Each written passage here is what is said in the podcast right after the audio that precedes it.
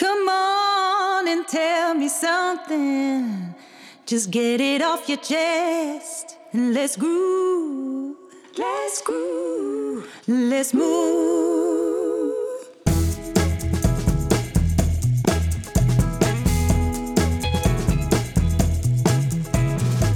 Nico Bezuur werd geboren in de Jordaan. Hij studeerde in 1982 af aan de Universiteit van Amsterdam aan de subfaculteit tandheelkunde. En hij begon na zijn diensttijd als luchtmachttandarts zijn loopbaan bij het Jordaan-project. Het Jordaan-project was een tandheelkundig gezondheidsproject waar de mondhygiënisten zelfstandig handelingen verrichten, zoals het prepareren en restaureren. In 1989 werd hij mede-eigenaar van de praktijk tegenwoordig Kiom geheten. In dat jaar verscheen ook zijn proefschrift met als promotor de Zweedse professor Tore Hansson. En kocht en verbouwde hij het monument de Hamermolen in Uggelen tot zijn droom. En schreef een boek over organisatie met co-auteur Rolf Mierlo, geheten De winstgevende tandartspraktijk.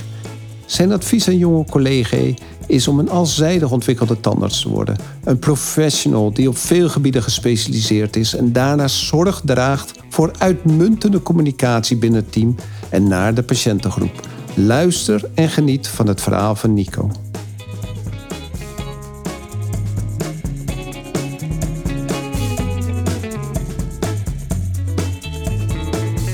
Tandarts, Vrijheid en Meesterschap podcast.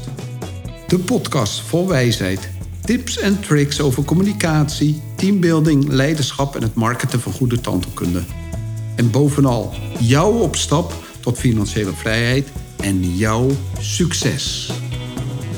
Welkom bij de Tandarts, Vrijheid en Meesterschap podcast.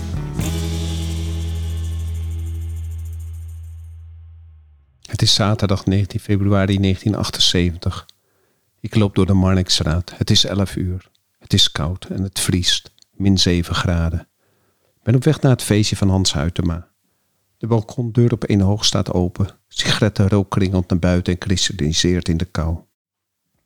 Het geluid van de village people echoot in de straat. Het feestje is in volle gang. Young man, there's no need to feel down.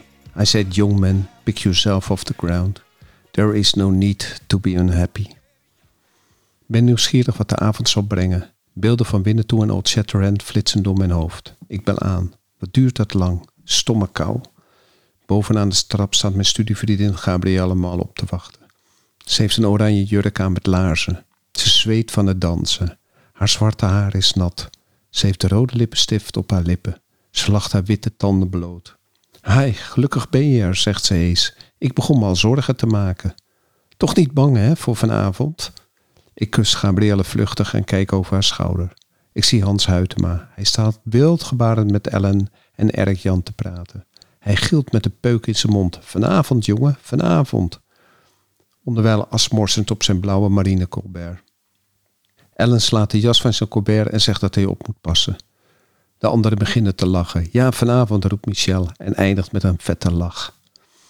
Ik loop verder naar de hoek met drank en pak een vodka zonder ijs. Het is overvol binnen. De Village People Disco is overgegaan in de Indian Juries. Sex and drugs and rock and roll. Het staat blauw. Nico komt naar me toe. We gaan het doen. En geeft me een huk. Ze willen het om 12 uur middernacht doen. Weer zie ik Old Shatterhand een kom bloed aan binnen toegeven. Om 12 uur ontstaat een kring. Nico en ik worden in het midden gezet. We worden bloedbroeders. Hans Huytema staat met een mes klaar, geassisteerd door Gabrielle. We hebben onze mouwen opgestroopt. Het is de bedoeling dat er diep in een arterie wordt gesneden en het bloed opgevangen wordt in een kom. Zoals bij de Apaches zullen we daar ons gemengde bloed drinken. Hans nog steeds met een Marlboro in zijn mond en een een achter zijn oor schreeuwt beneveld aanwijzingen aan zijn secondant. Dapper tonen Nico en ik de binnenkant van onze armen. Hans pakt zijn lancetmes. De kring gilt het uit en geeft aanwijzingen. Het gezicht van Gabrielle toont niet meer de grote zekerheid van weleer. Ze staat plechtig met de kom klaar. Hans geeft een haal met het mes op mijn arm en daarna bij Nico. Slechts een schram. Hans probeert het nog eens en vraagt of er een chirurg in de zaal is. Geen reactie, slechts gejoel. Ik sta naar mijn arm, een paar druppels. Bij Nico ook. Helemaal geen spuitend bloed. Gabrielle heeft de komma weggezet. Kijkt ons blij aan en roept: Mannen, dat schiet niet zo op. En pakt onze armen en duwt ze tegen elkaar. voel het warme vocht kleven. Het bloed mengt zich en geeft een rode waas aan onze armen. De Bee Gees beginnen te zingen. De kring zingt mee. Life going nowhere. Somebody help me. Ah, ah, ah, ah. Staying alive. Come on and tell me something. Just get it off your chest and let's groove. Let's groove. Let's move. And this is where fulfillment comes. You won't get fulfillment from the first four. You'll figure a way, smoke, drink, do whatever, meet the first four. But the last two, number five, you must grow. We all know the answer here. If you don't grow, you what? If a relationship's not growing, if a business is not growing, if you're not growing, doesn't matter how much money you have, how many friends you have, how many people love you, you feel like hell. And the reason we grow, I believe, is so we have something to give of value. Because the sixth need is to contribute beyond ourselves. Because we all know, corny as it sounds, the secret of living is giving. We all know life's not about me, it's about we. This culture knows that. This room knows that. And it's exciting. Tony Robbins, 1996, Nico. Ja. Ad de Jong kwam naar me toe op de praktijk en die zei... Ik zag een advertentie staan in de Telegraaf van Tony Robbins... voor de Golden Circle, dus de eerste vijf rijen. Twee kaartjes voor de prijs van één in Brussel. Ik zeg, Ad, ik weet helemaal niet wie Tony Robbins is. Zegt hij, Ron, vertrouw me. Dat is, die is hot in, eh, in Amerika. En volgens mij is het hartstikke goed voor jou om daar nu naartoe te gaan. En mijn vrouw, die was op dat moment eh, was erg ziek. En eh, dus ik kon wel wat inspiratie gebruiken om je, positivisme in het leven. Ja. Dus ik denk, ik luister naar Ad. Ja. Maar ik had nog natuurlijk twee kaartjes op dat moment. Dus ik dacht bij mezelf, ik vraag mijn vriend Nico om mee te gaan. Ja. En toen hadden we een beetje een probleem. Want je had net een kindje. Ja. Zo was het. Dat was het tijdsbeeld. Dus we moesten een plan verzinnen dat we samen naar die mochten- cursus gingen. Weg mochten piepen. en weg mochten piepen. Dus ik heb eh, tegen El gezegd van... ja, Nico die eh, heeft kaartjes voor eh, Tony Robbins. Ja. En wie is dat dan, Tony Robbins? Ja, heel belangrijk. En Ad de Jong die bij mij werkt, die heeft gezegd... dat het heel goed zou zijn. En, eh, en wat vroeg jij aan jouw vrouw? Kun je het alleen? het is echt goed voor, ehm, voor mij en voor Ron vooral. Ja. Dat hij echt even ehm, ook eruit is. Ja. Dus ik doe dat ook voor hem. Ja. dus we zijn naar Tony Robbins gegaan en we kwamen daar binnen in Brussel. Zo, En eh, we alleen maar dancers. Dancers, niet are you ready? gebeurde.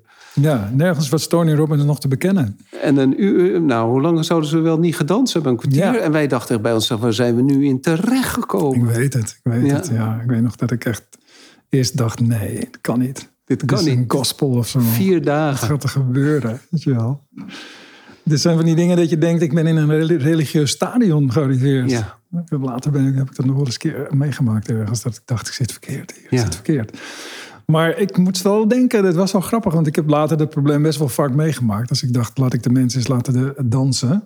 Ja, En dat de mensen dat niet zomaar doen. nee. En ik ook niet. En Nee. ik stond daar, maar er stonden zulke enthousiaste, zelfs hele mooie vrouwen op het podium. En die keken zo die zaal in en ik keek naar haar en ik dacht, wij zien elkaar. Ik ga dansen.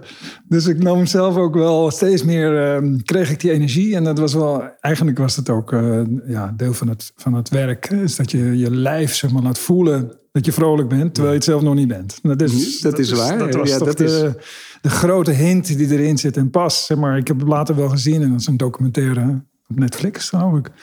Dat hij pas opkomt als hij door de coulissen heen ziet. De energie zit Ja, erin. de energie nou, zit erin. komt hij op. En dan komt hij ook op als de grote, grote man. In de, de film heet I'm Not Your Guru. Nee, En eh, in NLP bestaat het woordje not niet. Dus, Nee. hè, dus dan Yes. is hij eigenlijk I'm Your Guru, heet Ja. die film. Ja. Dat, is, eh, dat is wel grappig. ja, guru. Wegnemen van onwetendheid. Ja. Dus in principe eh, niks mis mee.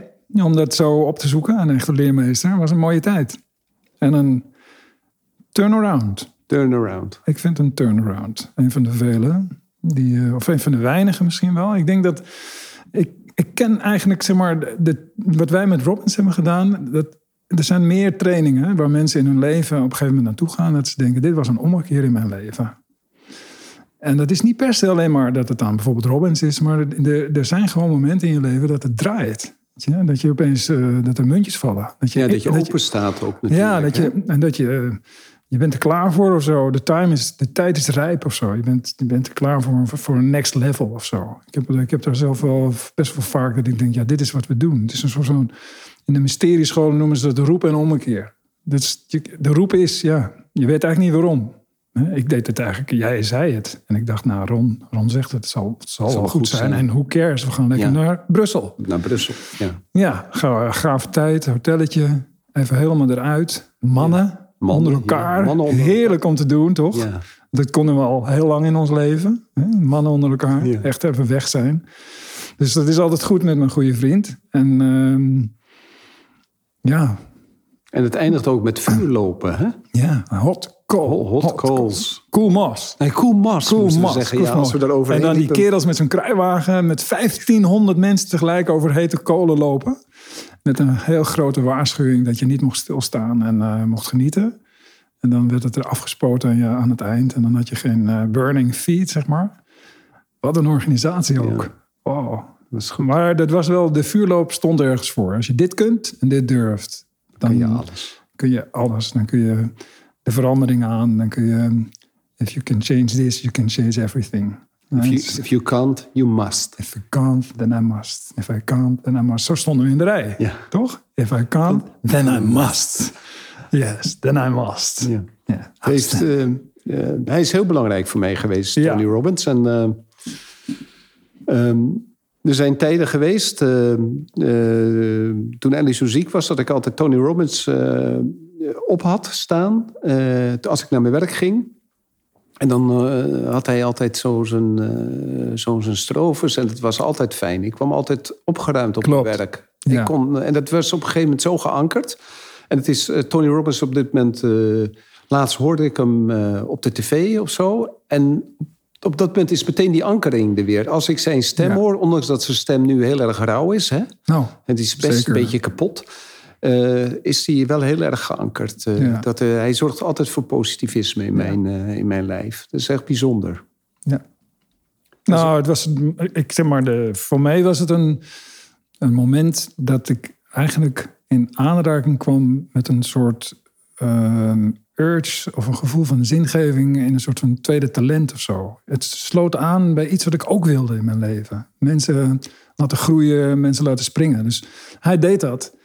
En zelf heb je misschien jongensdromen. Dat je, eh, we zijn opgegroeid met Michael Jackson. Of eh, wat wilde je? wilde dansen zoals die. En je wilde zingen zoals die. Maar dit was eigenlijk haalbaar. Dat is apart. Hij, en er was die man met zijn grote lijf. Maar de teksten, zijn, wij- zijn, zijn intelligentie. Maar ook zijn concreetheid. En die succes, successtrategieën die erin zaten. Die waren wel bijzonder om mee te maken. En dan het vuur van zo'n hele grote groep tegelijk. Dat gaf natuurlijk... Ja, dat was, de elementen waren duidelijk. Ja. En later realiseer je wel dat, dat, dat het ook gewoon, eh, dat je er zelf ook rijp voor was, voor een sprong. Hè, zo iemand komt, eh, nu was het Robbins, eh, later in je leven. Je hebt niet elke keer een ommekeer nodig. Vaak is dat gewoon heel duidelijk. Ik weet nog wel dat, ik heb een, een, een leermeester Felix, die dan, als ik bij hem kwam en die zei, Nico, weer, het leven bestaat uit rafels. Mensen hebben heel veel rafels, onafgewerkte processen. Die zijn donker en die moeten naar het licht toe. Dat is, zeg maar, transformatie naar verlichting. Dat is waar verlichting voor staat. Zeg maar. Mensen hebben een rugzak vol. En, ehm, maar die kunnen bevrijd worden door gewoon eens even logisch over te praten. Of door, door het te delen. Of, eh, of door het met een mooi ritueel zeg maar, weg te werken. Dus, dus is een, het heeft wel, voor mij heeft het er wel voor gezorgd dat ik, dat ik het ook rituelen ben gaan ontdekken. Een ritueel van een, van een visualisatie. Een, begeleidende tekst met een mooie, goede, gemodelleerde stem. Hoog, diep, laag, zacht. Outst- Weet je, strategies are recipes. Outstanding. Outstanding. Yeah. Is it possible to love a complete stranger? Look into the eyes of your neighbor. Ik keek in de ogen van een jongen naast mij. Die zat vol met huidschilfers. Eh, er zat net een heel mooie dame. Daar was ik naast gaan zitten, maar die was naar het toilet of zo. En toen zei hij, omarm je buurman. En ik dacht, oh jeetje. Dat was toch ook wel weer iets, maar. En dus de, de, Is it possible to love a complete stranger? Het zijn, dat zijn allemaal, zeg maar, ze zijn zo diep verankerd. En ik ben die verankingstechnieken ook gaan toepassen. Dat was gaaf om te doen. Ik heb heel veel verankerd bij mensen. Zeg maar, de, het gebruik van muziek, de juiste timing op een moment dat het nodig is. Als er iets staat te gebeuren, zeg maar, en je komt dan met de sterke invloeden van, van, van muziekfragmenten of beeld en video of een mooi ritueel bedenken. Dus, dus niet alleen maar voor mensen die zeg maar, eh, historische rituelen met zich meedoen. Je kunt het ook creëren. Het gaat eigenlijk om een bijzondere manier van verankeren van een, een, een nieuwe overtuiging die je wilt laten beklijven. Ja. En zodat je hem nooit meer vergeet, omdat hij zo be- belangrijk voor je is. Dat, is, dat, zit, dat zit erachter. Want mensen denken soms, ja, dat is gehuppel of eh, moet het nou zo? Maar het zit, daarachter zit heel duidelijk, ik help je nu iets anders zien, maar dat moet je wel onthouden. Ja. En het mijn, je, je, je brein zit vol met verhalen eh, en verklevingen, omdat ze op dat moment met heel veel emoties zijn opgelegd. Hè? Die, zijn, die zijn verankerd. En je hebt toen ook een beslissing genomen. Je hebt besloten om iets nooit meer te doen. Zeg maar, hè? Die- mijn, mijn eerste spreekbeurt in het openbaar, die was zo erg. Was zo, ik was elf, zeg maar. En ik kreeg zo'n slecht cijfer. En ik stond te trillen en ik kreeg nooit een herkansing. En, en de juffrouw die zei, het is, een, het is een zes met een hele lange min. Terwijl mijn vriendje Karel kreeg een 9 plus. Vlak meteen voor mij. Ik dacht, nou dat nooit meer. Nooit meer. Nooit meer. Ik, En dat ik, is zo lang geankerd gebleven. ik moest, denk ik, tot mijn 28ste heb ik het allemaal ontvlucht. Van mijn 12e tot mijn 28ste. Maar het heeft ook invloed gehad op mijn leven. Zeg maar. Dus de negatieve contracten, een contract van belemmeringen, zeg maar. De dingen die je met, je af, met jezelf afspreekt. Dat je denkt, nou, dat ga, ik ga gewoon niet de openbaarheid in. Ik ga, niet, ik, ga niet spreken, ik ga mezelf niet laten zien. Dat beslis ik dan Ja. op, op mijn elfde, zeg maar. Ik heb nooit een tweede spreekbeurt gehad van mevrouw Solkema. Jammer. Mejuffrouw, ja. Om de, de, maar de ankering hoeft niet altijd zo diepgaand te zijn. Ik, elke patiënt die bij mij uit de stoel gaat, Ja. sla ik altijd op de rechter schouder Hm? en geef ze een compliment. En Voor hun inzet. voor hun inzet of voor het stilliggen of eh, Ja. fijn dat u zo goed samengewerkt heeft. Maar ik geef ze altijd, elke keer als iemand naar Ja. boven komt, geef ik dit klapje. Maar ook als mensen achteruit gaan, geef ik ook dat klapje.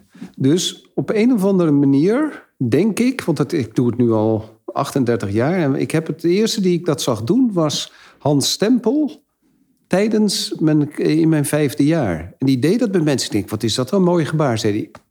Gaat u maar achterover. Dus ik heb dat overgenomen en dat doe ik nu. Eigenlijk doe ik dat bij iedereen. En dus bij iedereen krijgt van mij een anker met een compliment als ze de stoel uitgaan. Ja. En ik hoop dat Jij het werkt. Ja, nou ja, zeker. Maar jij raakt ook heel vaak even de schouder aan en zo. Ja. mensen. Ja, Ja. doe ik ook. Ja. Doe ik heel veel. Ja. En eh, laatst had ik iemand die er even van schrok en daarna zich weer overgaf. En die schrok er even van. Denk ik, oh ja, jeetje, ik doe iets wat misschien tegenwoordig niet meer mag. Maar Nee. het is, het, maar het is, ja, er zit, Als het maar klopt. het klopt. Het is, komt volledig uit mijn geankerde hart. Ja. Nico, wilde je altijd tandarts worden? Was dat een droom? Nee, zo, zo ben ik er in ieder geval niet aan begonnen. Zeg maar. Het was niet een, een, een droom. Het was, ik denk dat ehm, ik had een, eh, ja, met je, de, ik had een, een, een tandarts, Cornelis Dirkstraat, een ziekenfondskliniek. Dat was zo van de wereld, als je het vergelijkt met nu, dat ik had hem geen, ik had geen positief beeld of zo van een tandarts. Dus, dus dat was het niet. Misschien wel, zeg maar, omdat mijn vader zei: dit is een mooi vak. Als je ehm, ondernemer, vrijheid en toch ook eh, universitair. Dat is een mooi vak. Dan ben je een vrije ondernemer. Zo heette het ook. Het, het was ook wel. mijn vader had niet zoveel. Misschien niet zoveel, maar wel met vrijheid. Nou, de- dus de, de- het heette toen ook een vrij beroep. Er was een in- indeling. Ja, Een vrij beroep. Ik vind zelf dat. ehm, ja, maar ik heb twee dochters, maar die gaan het niet studeren. Die zijn het niet gaan studeren. En een van de redenen dat ze het niet zijn gaan studeren is, is omdat ik best wel heel lang wel heb gezien hoe mooi het vak is, maar dat het niet meer vrij was. Mijn vader adviseerde een vrij beroep. En ik zou dat misschien wel meer hebben gepromoot als ik die vrijheid zou hebben ervaren altijd. Maar eh, ik vind ook wel dat het, dat is ook wel weer de soort van verankerde belemmering. Hè? Want vrijheid zit toch wel in hoe je ermee omgaat. Ik vind dat er eigenlijk heel veel vrijheid zit in het vak. Veel mensen denken dat het in, in de tarieven zit, maar het is eigenlijk zo. Je bent zo vrij om, mits je je aan de basisregels houdt, kun je toch een heel uniek bedrijf opzetten met, met alle vrijheid. Eh, Tot, tot heel veel rand, professionaliteit. En Ja, wat kun je niet allemaal doen? Ik vind het zo. Ik, vind, ik, ik hoop ook echt dat. dat eh, ik hoop wel dat er weer een golf komt van ook weer, weer ondernemende jonge tandartsen. Ik, ik hoop het wel, want het is, het is een. Ik hoop dat ze het kunnen inzien. De, Ja. Dat ze de vrijheid kunnen zien om zelf te beslissen in het leven wat je doet. Ja, Eh, maar dat je ook de, de, de vrijheid eh, financieel hebt om de dingen te doen die je wil. Hè? En dat is niet alleen eh, vakantie gaan, maar dat je ook kan beslissen: ik ga naar die cursus in Amerika of ik ga naar die cursus eh, naar Chili, Ja. naar, de- naar Coachman om daar die cursus te doen. Dus dat je niet belemmerd wordt om je vak ten volle uit te voeren. nee. En wat ook belangrijk is, is om dat gezamenlijk met collega's te doen. Ja. Hè? Dus, dat je als, dus als een collega zegt van...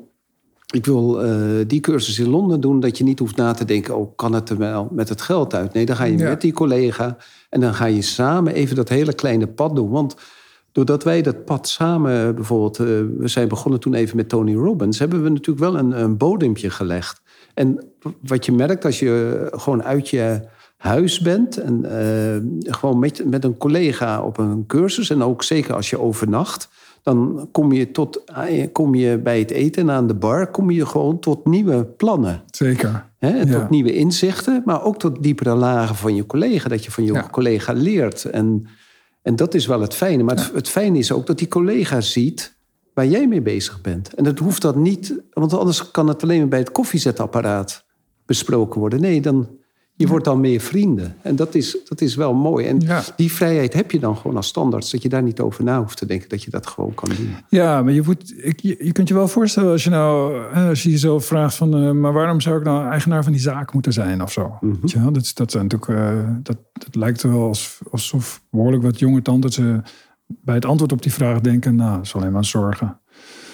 Terwijl ik het eigenlijk eh, gewoon wel goed genoeg heb. En dat, dat is ook vaak zo, want ze verdienen al, behoorlijk, zeg maar. Waarom eigenlijk al die zorgen nog erbij of zoiets. Dus, maar misschien dat, we, dat er nog iets te weinig wordt gezien... wat het voor een soort van fulfillment kan geven... als je een mooi bedrijf opbouwt in je leven. Dus, de, de, dus niet alleen vrijheid, maar ook eh, vervulling, zeg maar. Een, een project waar je best wel lang aan slijpt. En eh, wat je mooi maakt. En een ruwe diamant steeds fijner maken. Ik vind zelf dat in de loop van de jaren, zeg maar... als ik nou kijk naar nu...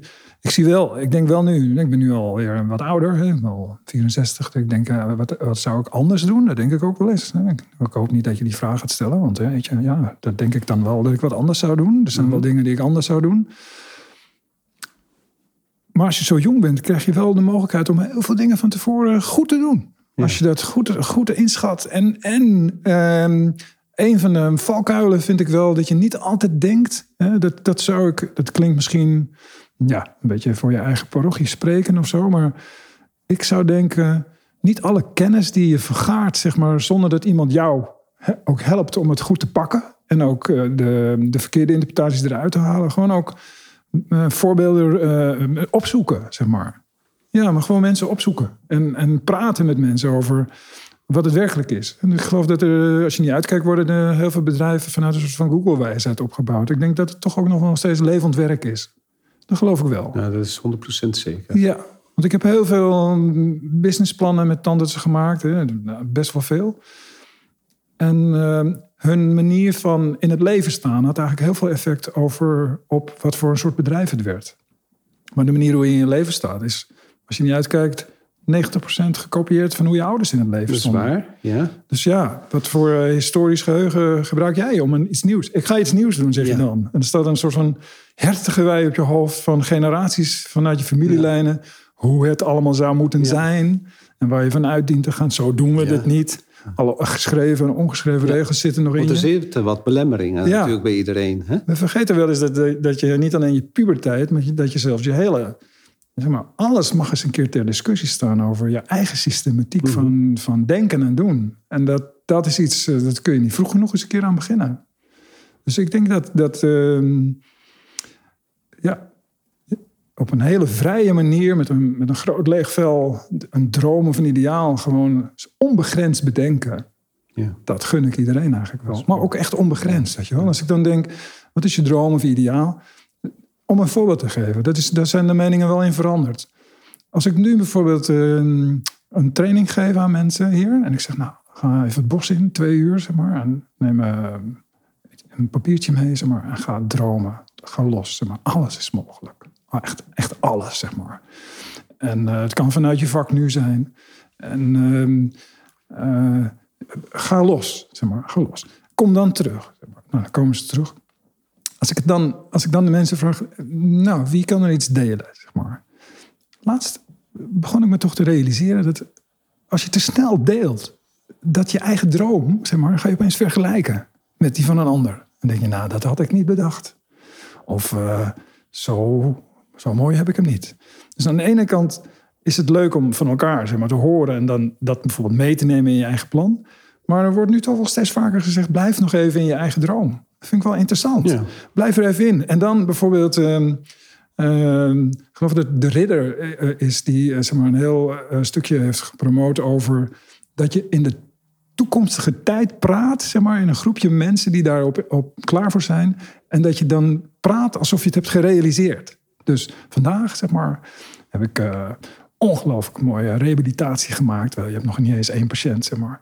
En je spreekt vanuit dat het gedaan is. En je moet in je taalgebruik, dus echt een klem op je manier van woorden kiezen. Moet je spreken alsof het zo is. En de mensen die toehoren, die moeten de hele tijd zeggen... wat gaaf man, en heb je hier nog wel eens aan gedacht? En dit zou je ook nog kunnen doen. Maar ze zeggen nooit, wat een onzin. Nee. Er, wordt, er is geen criticaster in dit moment. Maar dus die soort van shift, dat je in die dat je die toekomst zo dichterbij haalt en dat je je droom gewoon vertelt als werkelijkheid, dat zorgt ervoor dat je de problemen veel helderder ziet. En je voelt van binnen ook iets, dat kan niet waar zijn, mijn fantasie is waar. En dan ga je hem doorleven. En dan, zeg maar, dan, dus, dus waar ik vroeger zei, wie heeft er uh, iets te delen, zeg maar, zeg ik nu, ga maar lekker naar je kamer. Ja. En werk het dus even helemaal nog uit. We gaan het niet te vroeg delen. Ik wil nog even niet de beïnvloeding, snap je? Zeg maar. En dat, dat is, daar ben ik in veranderd. Ja. Dus de. Zoek fans. Zoek fans. Okay. Ja. Heel goed. Je bent het gemiddelde van vijf personen waar je het meeste mee omgaat. Dat heeft me nog wel eens bezig gehouden, zeg. Ik ben blij dat jij in mijn gemiddelde zit, Ron. Eerlijk gezegd. Oké. Okay. Ja. Dat heeft me altijd goed gedaan. Ja, ja, ja. Dat, dat heeft me altijd goed. Maar dat is wel een realisatie. Je bent het gemiddelde van de vijf personen waar je het meest mee omgaat. Jongen, jongen. Zeg maar, wie zit er in mijn kring van vijf? Ja, ja. En als ik er eens eentje zou veranderen. Ja. Dus dat, Dan gaat het gemiddeld omhoog. Zo.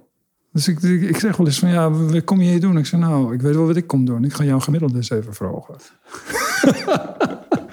arrogant, hey, arrogant. Hey, acta. Acta. Nee, acta, dat was... UvA. Die zat op de GU. Op de, De VU. De Goddeloze Universiteit, toch? Je had de. Vrije Universiteit, de Goddeloze Universiteit. de gemeente. Dus de gemeenteuniversiteit. Daar, is, uh, daar deed je gene- daar zaten we aan de faculteit geneeskunde en deden we subfaculteit tandheelkunde. Ja, zo was het. Maar jij was begonnen bij medicijnen. Ja, ja dat klopt. En ehm, het, ja, ik, voel, ik voelde wel, we hadden college tegenover de prekliniek van de tandheelkunde. Ja, dat deden het samen, hè? Ja, op die en, gang, eh, weet je nog, ja, die grijze ja. gang. Ehm, op die bovenverdieping, Ja. boven de kantine. Daar had je dan de prekliniek. En, ehm, De grote collegezaal. Was en de grote klinisch aan de andere kant waar we les hadden. Dus met mijn medicijnen eh, studenten liepen we daar rond. En ik zag die tandartsen, jongens, zo lekker knutselen en bezig zijn. En ik kreeg ook vriendschappen mee. Ik kreeg vriendschappen met die jongens, omdat we elkaar zagen in de kantine en zo. En eh, toen realiseerde ik me dat ik waarschijnlijk de verkeerde keuze had gemaakt. Dat ik met mijn handen wilde werken, mijn oog, maar gevoel voor verhoudingen. En, en ik reed dat, dat is ook wel. Ik had dat ook wel meegekregen van thuis, maar. Dat je, mijn vader die maakte alles, deed alles zelf, kon alles maken. Je kunt het toch proberen. Dus Hij heeft altijd heel veel vertrouwen gegeven. Waardoor ik dingen ben gaan inschatten zelf. Of ik iets kan maken. Ik ben ook wel, wat dat betreft wel een... Ik heb wel cursussen gevolgd, maar ik ben ook wel, ik ben ook wel een zelfontdekker. Zeg maar. Ik heb wel het lef dat ik het zelf kan zien. En, eh, dus het was, het was een gave tijd, maar het was ook, eh, ik ben toen gewijzigd. En ehm, we hadden, dat vond ik wel een mooie, mooie romantiek, zeg maar. We hadden professor van Limburg. Ja, Ken je die nog? anatomie. anatomie. Die man die ging, was een oude man, die ging op een wankele kruk staan. En die ging dan uitleggen, hij had, had zes knopen zeg maar, op zijn jas. En die zei, die, deze zit superior, deze zit lateraal van deze. En deze zit inferior. En, dit- en zo zei hij, zo zitten de bloedvaten superior in voor. En, ah, het was echt zoiets van, oh, wat, een, wat een begeistering. En die man Ja. die had het over. En dan gingen we ehm, die corpussen snijden en zo. Ja. Maar we hadden respect voor de geneeskunde en zo. En toen, maar hij was ook ehm, de man waar ik naartoe moest om te zeggen: ik ga, ik ga weg uit de geneeskunde. En toen ik kom bij hem in zijn, op het AEL, Anatomisch en Embryo- Embryologisch Lab. En eh, ik zoek hem op, een meneer van Limburg. Ja, ja ik, eh, ik wil je vertellen dat ik wil wijzigen van geneeskunde naar tandheelkunde. En ik dacht, nou, dat gaat die man dus nu echt, dat gaat hij erg vinden. Dat gaat hij erg vinden. En toen zei hij, oh, wat een mooie keuze, zei hij. Ja. Hij zegt het, hij zegt het midden tussen een arts en een kunstenaar. Dat is toch fantastisch, zei hij. Hij zegt, nou, daar zul je geen spijt van krijgen. Wat een mooi vak. Nee, ik wens je heel veel succes daarmee. Het is een hele goede keuze. Het heerlijk, zo'n man, toch? Ja, ik was echt bibberend naar binnen gestapt. Ik dacht eh, dat die man me zou gaan coachen. Wat ligt het aan, jongen? En Ja. voel je je niet thuis? En ligt het aan je ouders? Nee, hij ging gewoon mee. Dat vind ik wel... Het is interessant om soms helemaal mee te gaan met iemand. Als Ja. iemand, iemand denkt iets en wil iets, iets wel of niet. En dat, je En waarom dan, niet? en dat je dan in plaats van dat je met je verstand zegt... zou je dan dan wat doen? Ja. Of dat je gaat zitten discussiëren erover. Dat je zegt, oh wat goed man. Ja. Wat goed. Ja, ik heb wel veel. eh, Er zijn echt. Ik heb wel momenten gehad dat ik, dat ik zelf dacht. Van, als iemand iets zei, dat ik dacht wat belachelijk. Maar dat ik dan dit moment. Maar ik heb nog meer van dat soort momenten eh, onderzocht. Dat je dan zegt. eh, nou, wat een goed idee. Laten we dus. Laten we daar eens in gaan. Wat een gedachte. Ja. En dat je dan door geen verzet te geven. Dat je dan eigenlijk met elkaar veel meer ontdekt. Dan dat je in die eeuwige soort van. Ik ga jou wel vertellen eh, dat je het anders moet zien. Manier van praten of communiceren met elkaar. Het is eigenlijk heel mooi. Ik vind het zelf heel mooi om als je met iemand praat. om vooral ook even mee te gaan. Weet je wel? In plaats van. Ik weet niet of jij dit wel eens hebt. Nou, nu Nou, hebben we dat zal- misschien niet. Nou, ik zal je vertellen. Ja, Ik heb eh, vanochtend Vertel. mijn oudste dochter uitgezwaaid. nou. Die is psycholoog. Ehm, die werkte, had een goede werkgever. Had boeiend werk in Amsterdam. Ja, En ze heeft besloten om een jaar naar Zweden te gaan. Om daar Ja. op een eh, duurzame boerderij te gaan werken. ja. Nou, pap, Ik ben- wat vind je daarvan? Wat vind je ervan? nou, ik heb gezegd dat, het, dat ik het bijzonder vond. En dat ik de keuze kon begrijpen. En dat ze op een nette manier afscheid moest nemen van haar werk. Maar dat we op allerlei manieren eh, zullen ondersteunen om eh, Ja, dit eh, te doen. En eh, ze is dus vanochtend eh, weggegaan. Ze heeft de Toyota Land Cruiser van mijn vrouw meegekregen. oh, We hebben, ja. een, eh, is een, eh, hebben de bak iets verhoogd... dat ze daar ook nog een luchtbed eh, of een eh, matras op kon leggen. ja. En ze is dus eh, de wijde wereld ingetrokken. Cool. En ik kreeg dus net een eh, berichtje binnen... dat ze bijna in Kiel was... eh, waar ze de boot eh, dan naar Zweden neemt. Is ze met de auto of zo? Ja, ze is met de auto. Oh, met de, met de Ja, cool. Grappig. Dus, ja, dus het is wel een beetje Zweden. zo van wat jij zegt. Ja. Nou. Het heeft ook niet altijd zin om te zeggen van... dat als het zo is, als de meester, als de student er naartoe is... verschijnt de meester. En is het ook met dit soort dingen. Het zal niet voor Nee. niks zijn.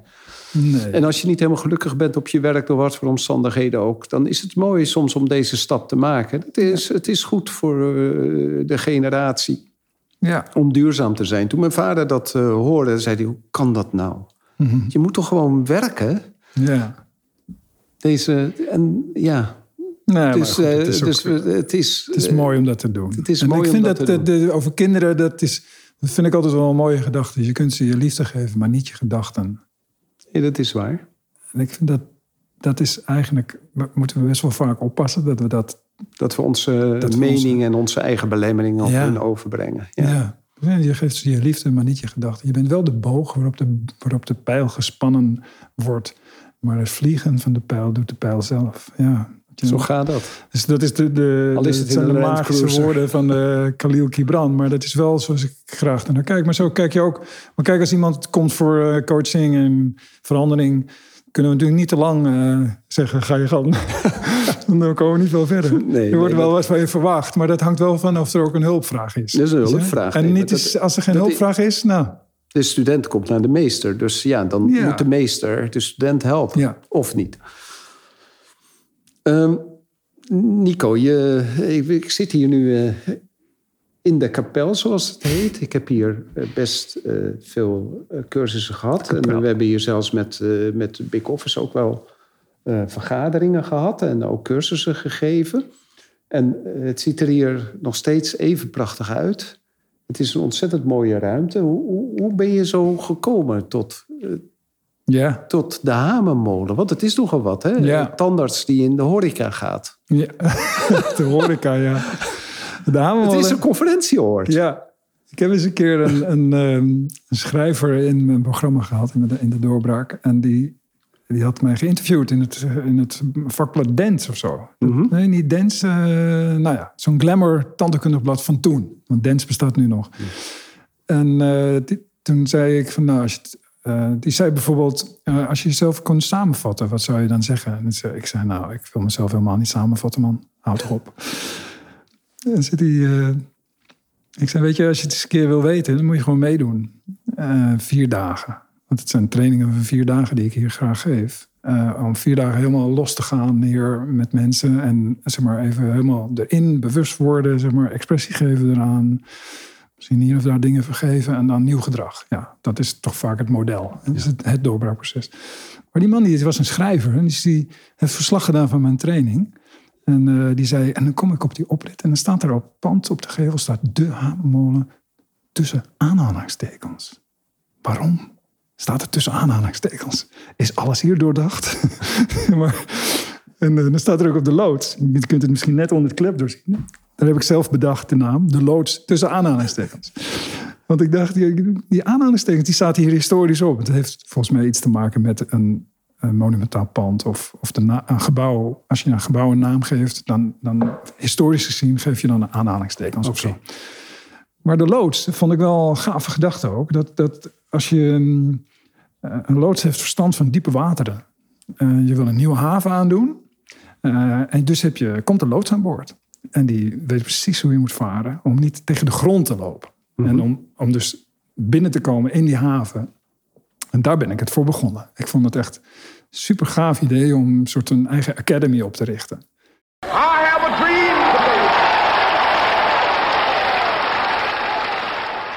Ik gaf trainingen links en rechts overal, ook met, met eh, toen, toen nog veel met Ralf Bakker. En we werden eigenlijk altijd uit de hotels gezet, omdat we te veel lawaai maakten. Ja, er slapen nog meer gasten, zeg maar. Oké. En, eh, terwijl, Oh, jullie gingen te lang door. Ja, we gingen wel hele andere tijden. Ja. je sliep maar vier uur. Ja. En het was 's morgens heel vroeg tot 's avonds heel laat. Maar ook midden in de nacht kon het gewoon opeens nodig zijn, à la Robbins, om die muziek te morgen even flink erin te gooien. En dan zeiden ze, ja, hierboven slapen nog meer gasten. Ja. Dus ik dacht van nou, als ik die trainingen, zo, de verschillende elementen, alles bij elkaar gevoegd, zeg maar. Dat, is, dat was wel een beetje mijn aanpak. En dus ik dacht van nou, ik ben tandarts, maar ik heb ook een academy. En dat is, dit is, ik, ga mensen, ik ga mensen leren om eh, echt te communiceren vanuit vrijheid en een andere manier van denken. Dacht ik, nou, dan moet ik natuurlijk een eigen plek hebben. Dus hier loopt een beek, de bron, zeg maar, helder water, kristalhelder water, terug naar de bron. En eh, vroeger had je de heidedagen.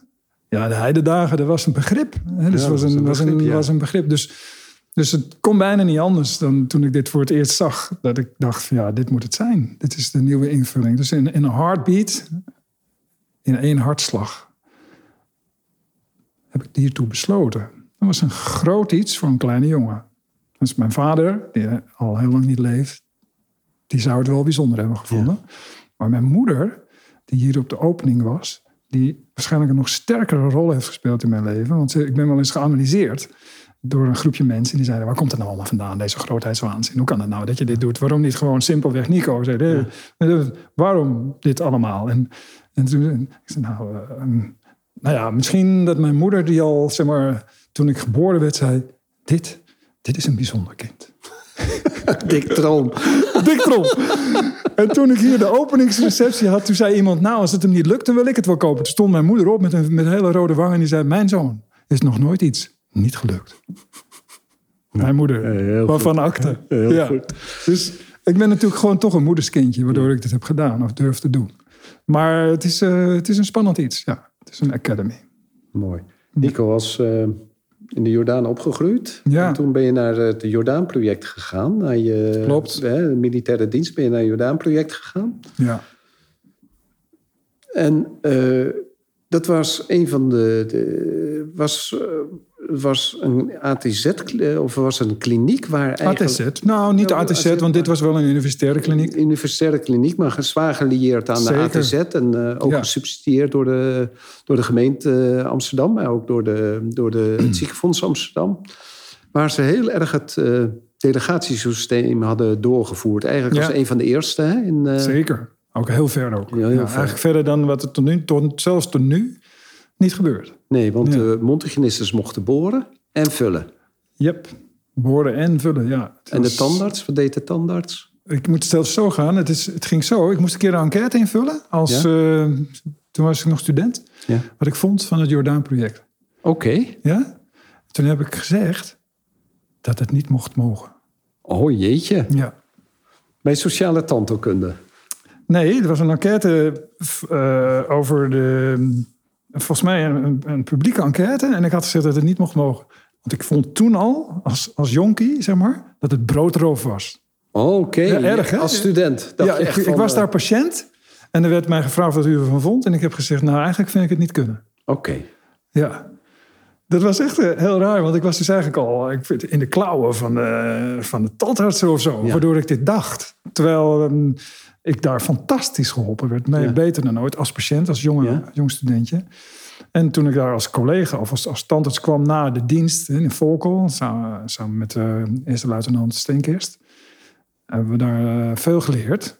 En ik dacht, nou, toen kwam ik daar. En toen bleek het dus een, een project te zijn waarbij ja, dat was gewoon, ja, het koude, daar, daar zeg maar, boorde de tandarts voor en dan vulde de assistentie en of de mondhygiëniste. Bij dokter Tan. Bij dokter Tan, project Apkoude en ja, het project, ehm, het Jordaan-project. En het Jordaan-project was, wat mij betreft, iets, was nog even wat verder. Was door professor Swallow en die had gezegd, de mondhygiënistes kunnen prima boren. Dat is een aanvullende opleiding van drie maanden. En dan kunnen ze net zo goed, zelfs beter boren dan tandartsen. Zo. En dat was ook zo. Die mensen die werkten zo fantastisch. Maar tot aan deze grens van wat ze moesten doen, heb ik ze echt allemaal consequent, echt 100% gave, mooie vullingen zien leggen. Polijst, prachtig werk, echt hartstikke goed. Iedereen blij. En de tandarts, ik kwam op mijn eerste werkdag en ik kreeg een agenda die was vrij leeg. Want ik kon nog niks van wat de tandartsen konden. Dus ik kon dan hier of daar wel of ik maar een verstandskies wilde trekken. En dan zei ik, nou, maar die ligt wel heel erg dwars. Daar heb ik nog nooit eh, over nagedacht. Nou, wij helpen je wel. Even spitsen, even dit, even dat, even zus, even zo. Even. En nog steeds heb ik daar voordeel van. Dat ik daar dingen heb gedaan. Onder, ik weer onder begeleiding van de ervaren tandartsen. En eh, ja, iedereen deed dus meer. Weet je, je bent opgeleid om heel veel te kunnen Ja. maar ook te doen.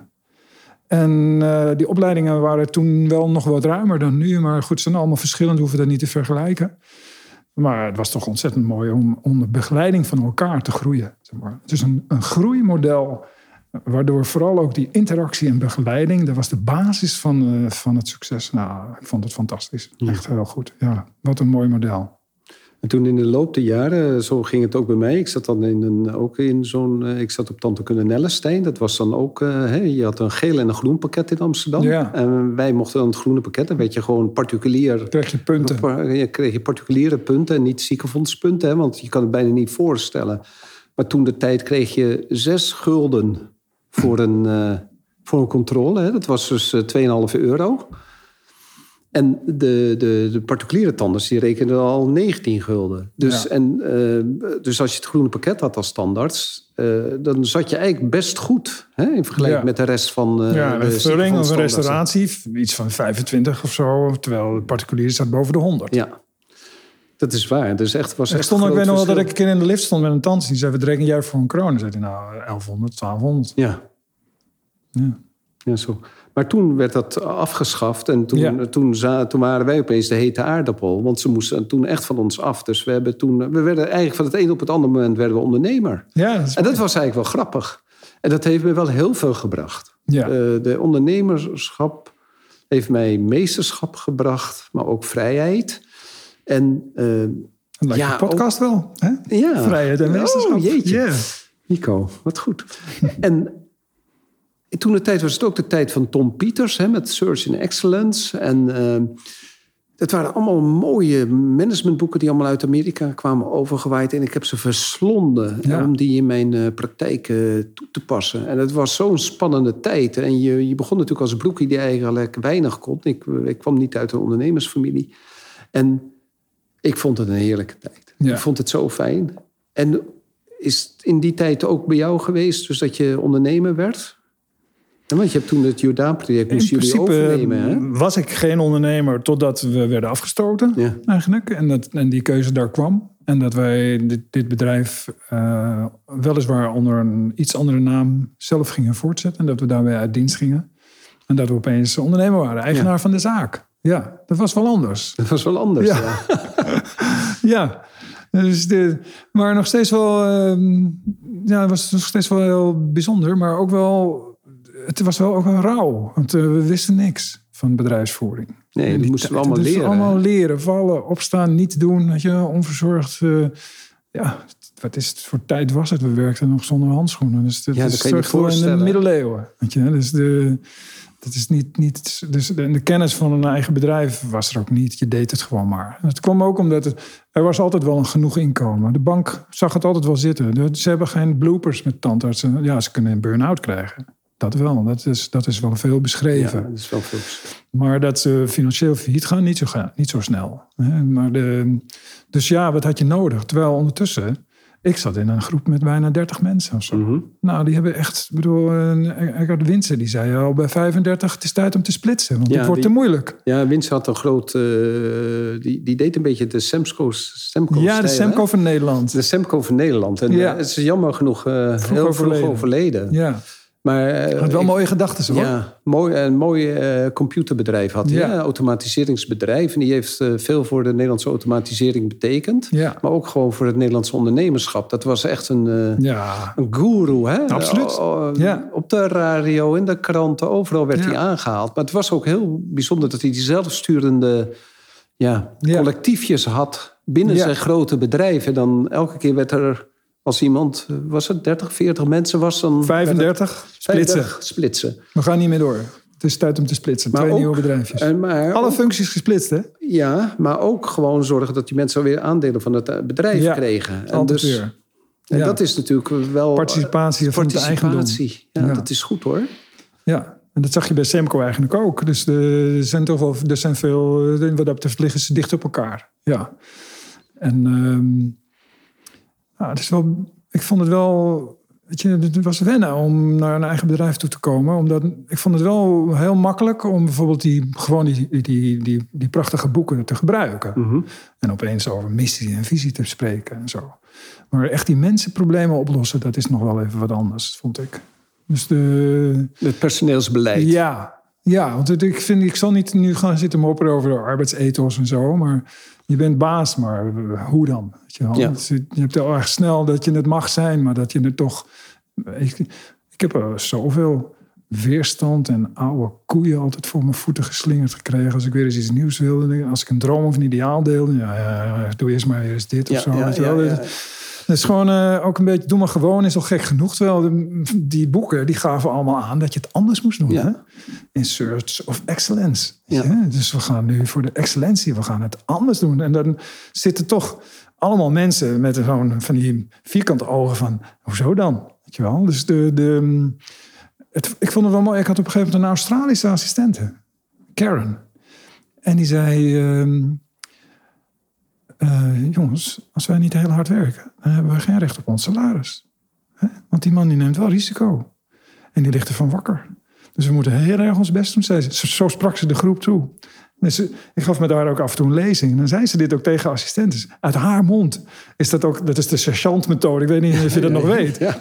Maar als, ik kan het zeggen, maar als de sergeant het zelf zegt, zeg maar, dan gaan ze het ook doen. En ze waren echt flabbergasted van, hè?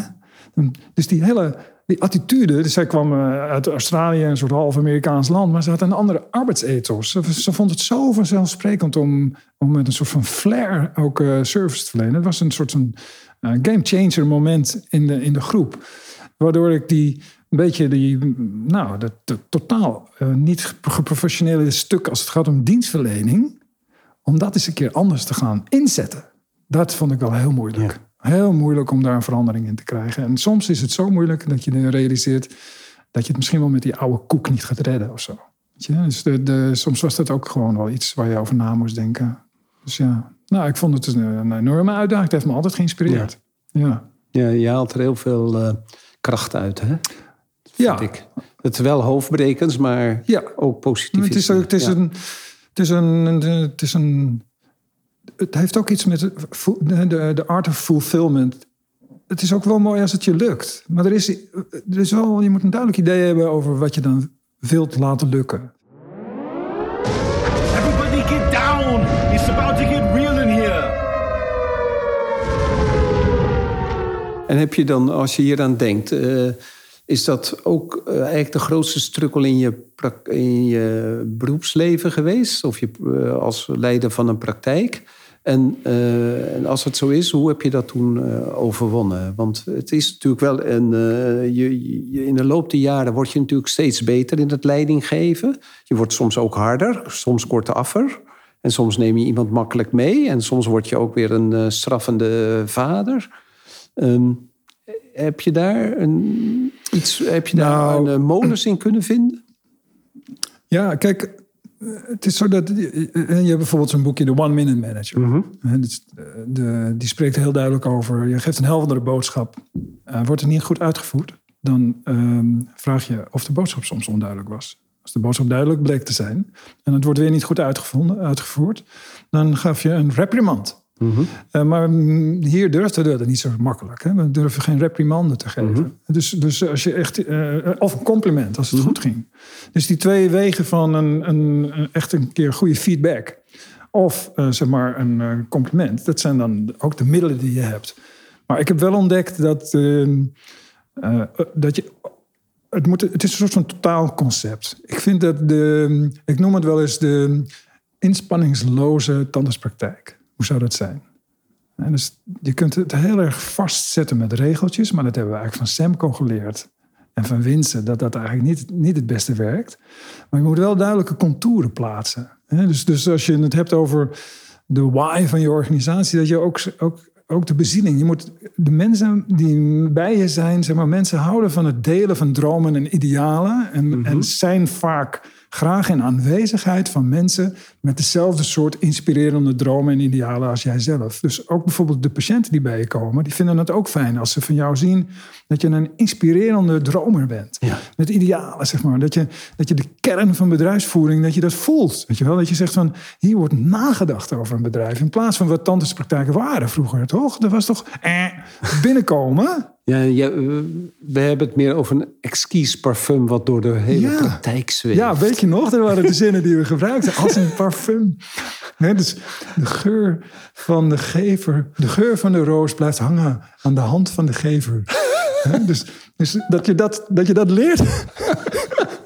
Ja, hoeveel zoethouders moet je nog geven? Nee, maar weet dan als je wat geeft dat er blijft altijd de geur van het parfum van de roos blijft aan de hand van de gever zitten. Dus geven is het grootste genot. Dat is iets waar we niet helemaal mee opgegroeid zijn. Dat je geeft zonder iets terug te vragen. Hè, Dus de, de, Geven is moeilijk, ontvangen is ook heel moeilijk. ja, absoluut. Ik heb dat ook veel gezien. Ontvangen is moeilijk. Ik vind ook dat de onbeholpenheid, de onbeholpenheid als mensen een compliment krijgen, Ja. bijna net zo eh, ontroerend en soms zelfs verdrietigmakend. Hè? Dat je denkt, jongen, na je, dat je van je ouders nooit een compliment hebt gekregen, ben ik de volgende die in dit rijtje niet thuis hoort. Omdat ze daar gewoon, weet je, dat is toch. Ik, ik zelf, ik vind het toch wel heel romantisch om af en toe terug te denken aan de momenten waarbij ik bijvoorbeeld mijn, mijn vergroomde krijtler helemaal uit elkaar had gehaald. Ja. In het schuurtje bij ons achter het huis op de Marnixstraat. En die krijtler had ik eh, van mijn vader, eh, die had geld, eh, ja, geld, ge- we hebben hem gekocht, zeg maar. Nou, dat was toch wel een flink bedrag. hè. En ik heb hem helemaal vergroomd en zo. En ik, eh, daar liep ik mee. Ik liep er ook mee over de kermis. En dan haalde ik hem helemaal uit elkaar. En dan kwam mijn vader binnen en die zei zo. Nou, nou, zo. In plaats van dat hij zei, ben je nou god, helemaal gek geworden. Dat ding uit elkaar Ja. halen. Het gaat helemaal mis. Zei hij, eh, zei hij alleen maar, nou, ik ben benieuwd of je hem ook weer in elkaar krijgt. En je hield altijd vier, vier Ja, je hield schroefjes altijd- over. Tuurlijk, tuurlijk. En maar En als je iets had gedaan, dat die, het, mijn vader is heel vroeg overleden, maar ik heb altijd onthouden die aai over mijn bol. Dus dat goed gedaan, jochie. Ja. Weet je, dat, dat is de, als je dat, nou, I happen to get it, zeg maar, van, mijn, van mijn vader en, en mijn moeder. Je herkent het Ehm, gevoel. je herkent het gevoel, je kent wat het doet. Ja. Dus ik, ik nog steeds haal ik heel vaak bij mijn jonge zoon van tien Ah, ja. mijn handen door zijn haar. Ja. Ik zie het, ik zie het mijn vader doen, zeg maar. Dus dat zijn ook dat, dat je bent een verlengstuk van dat stuk. Ja. En je moet eraan ontgroeien, zeg maar. Hè? Dus het is, ja, verlengen, graag, bij mooi en goed. Maar ook los daarvan. Ja. Ja, in een bedrijfscultuur is het wel iets wat je helemaal binnen moet brengen. En ook kritiek geven. Jongen, jongen, wat zijn we kwetsbaar zeg. Een rondje kritiek. Jeetje, ja. Ik zal je zeggen, als ik, als ik een trainingsonderdeel deed met een groep mensen...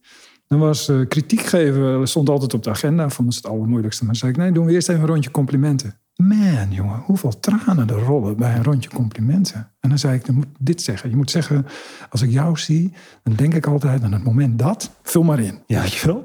En dan zeg je iets van dankbaarheid. Eh, je geeft een compliment. En dan begint gewoon die hele club te janken. Het is toch niet te geloven? Het is dus een, weet je, het is gewoon een breker, zeg maar. En dus de- ze willen allemaal leren om commentaar te geven. Maar ik, ik, ik laat ze ervaren hoe het is als ze gewoon eens... Dan krijg je dus, en let wel hè, als je 15 mensen hebt, krijg je verdorie 15 eventueel gevarieerde complimenten. Wat, Dat een, is fijn. wat een cadeau. Ja, ik moet er opeens aan het gesprek van... eh, dat kwam echt als een, als een bliksemschicht bij een heldere hemel. Dat, eh, ik, eh, dat Tieke tegen mij zei in het interview van... En van jou heb ik geleerd complimenten geven. Nou, Ik denk, nou, Tieke, wat fijn. ja. Ik schrok er een beetje van Ja. toen. Ik denk, Ja. Oh, Ja, God, jij- weet je nog, Ron, dat jij, jij was een keer bij mij in mijn praktijk. Bij eh, mijn toenmalige assistente. En ik was je aan het behandelen. En eh, jij zat zo om je heen te kijken. En jij zei... Wat zijn ze toch fantastisch, hè, Niek? Die assistentes. En jij sprak mijn assistente er toen aan. Eh, eh, ik weet niet meer hoe... Ja, nou, ik weet niet, het is lang geleden hoe ze heette. Maar, ehm, en je zei tegen haar... Geeft hij je wel eens een complimenten?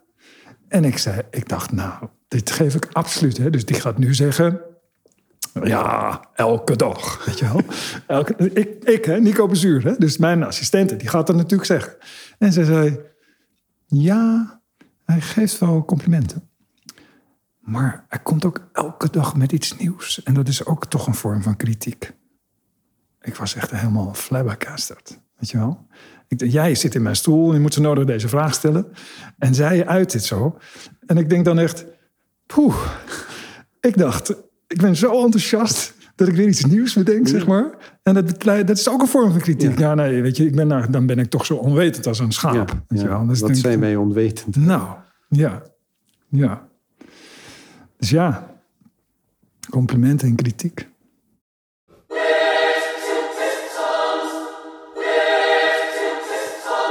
Wat is het beste systeem wat je in je praktijk hebt eh, toegepast... en wat het meest heeft opgeleverd? Ja, ik heb natuurlijk met, met het Jordaan-project eh, delegeren in mijn, in mijn DNA zitten. Ehm, dat heb, daar heb ik best veel mee geëxperimenteerd ook later. En ehm, dat was wel, interessant, want ik had bijvoorbeeld twee behandelkamers... en dan maakte ik de in de ene behandelkamer een kroon en in de andere ook. En, eh, eh, en dan zei die, opeens zei een patiënt tegen mij, die zei...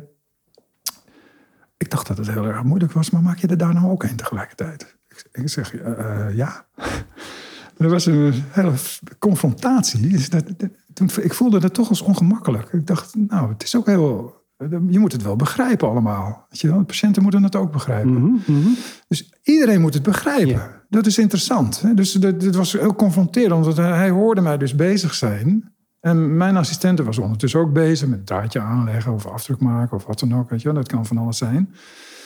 Eh, maar hij zei, oh, het is dus eigenlijk helemaal niet zo ingewikkeld. Je kunt het gewoon daar ook even doen. Ik zei, nou, dat, dat is dus die perceptie van, ehm, van je model.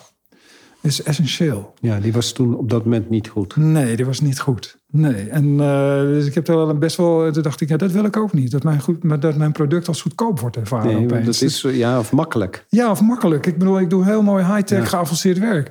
Ik weet nog dat wij, eh, eh, Rolf en ik, gaven een keer een lezing in België. En zeiden we, nou, de patiënt komt binnen, de assistent geeft verdoving, legt de koffer dan om. ehm, bo- boort het oude amalgaam eruit. En eh, dan komen wij binnen. En die hele zaal waren we kwijt. Ja, dit nooit. Dit heeft geen zin meer. is- Dit, dit dit is dit- duivels. Ze zijn gek Dit zijn duivelen. Ze zijn gek geworden in Nederland.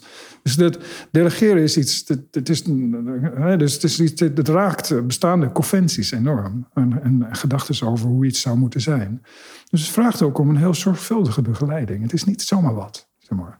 maar wat ik er wel mooi vind, ik, ik, ik zit zelf in. Je hebt verschillende modellen. Ik, ik, ik hou wel van het, dat er heel veel preventie om me heen gebeurt. Dat is het model. En dat is denk ik het beste wat me.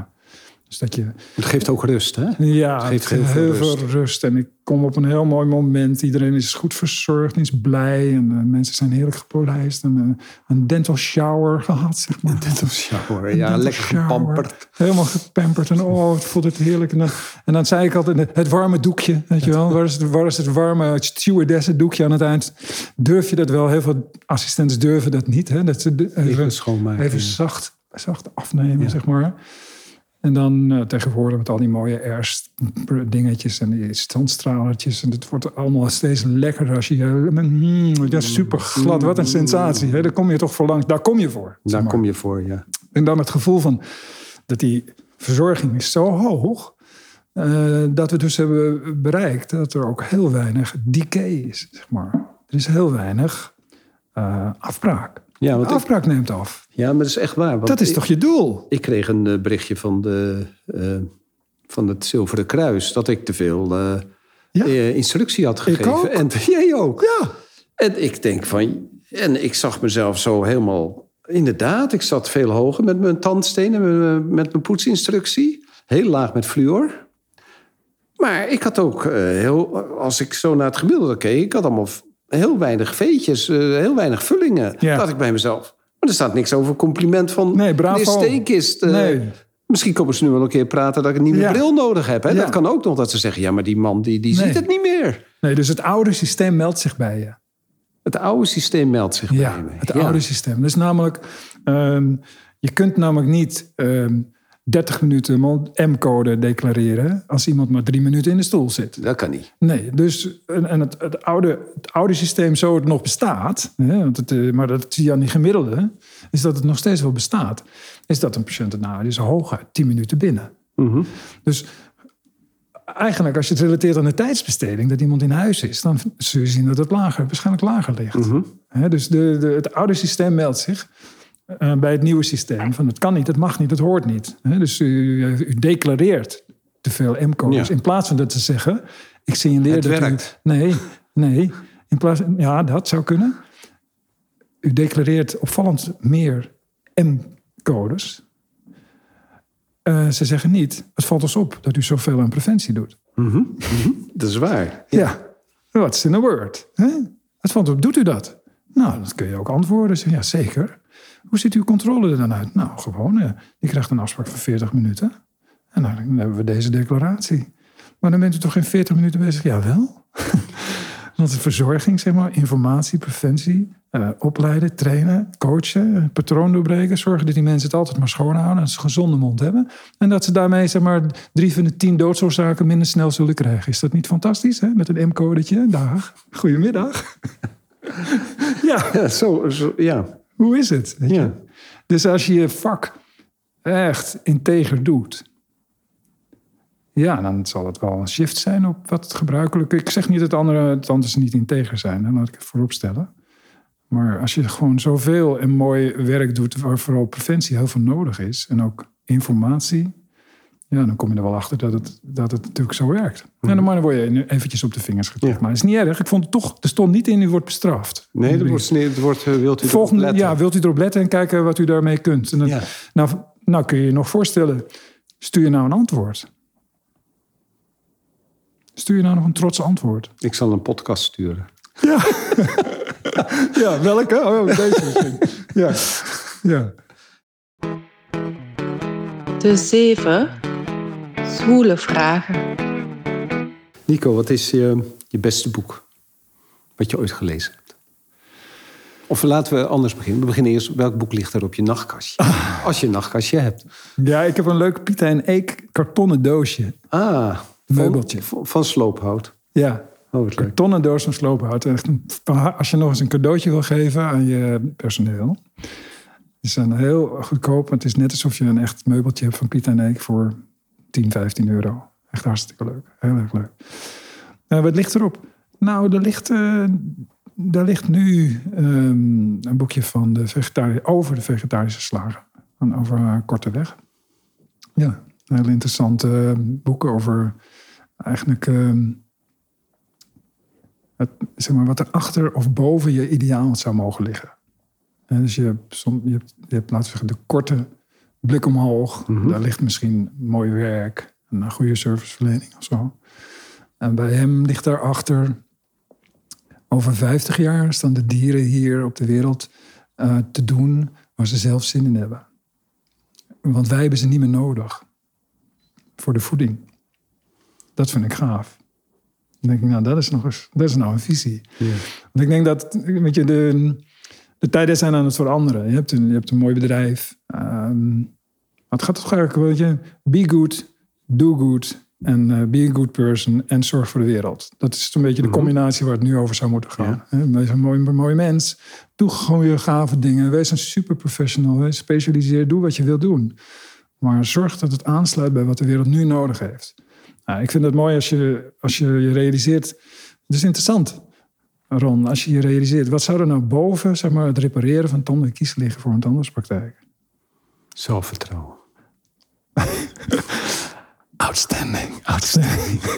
Zou Robin zeggen. Zelfvertrouwen. Nou, maar zie jij dat ergens in een businessplan staan? Van een, wij verkopen zelfvertrouwen. Dus zo zeg je dat natuurlijk niet. mensen zoeken het wel. Hè? Ja. Mensen zoeken het wel. Ja, En mensen, kijk, het, het, het, het is gewoon weer het bekende rijtje. Mensen zoeken zekerheid. ja, Mensen zoeken eh, dat ze opvallen. Hè? Met een mooi gebit Ja. val je op. Ze zoeken verbinding Mhm. met mensen.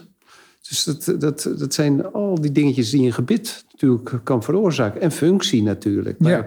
We zorgen, functie daarvoor komen de mensen. Dat verwachten ze van ons.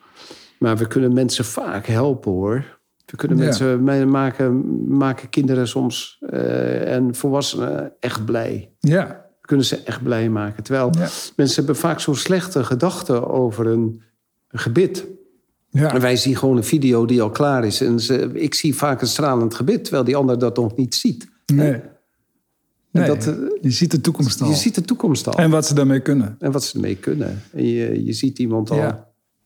En we kennen allemaal die mensen die zo ontzettend verbeterd zijn... omdat ze een behandeling van ons gehad hebben. Ja. Die zo blij zijn en die dan ook meteen andere haar hebben de volgende keer. En eh, een nieuwe vriend.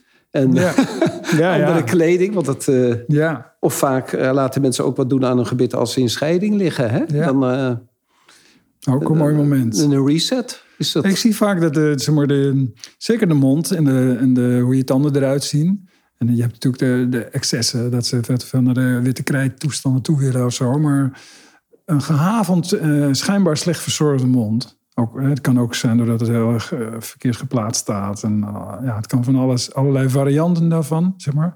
En de bewustwording daaromheen, zeg maar.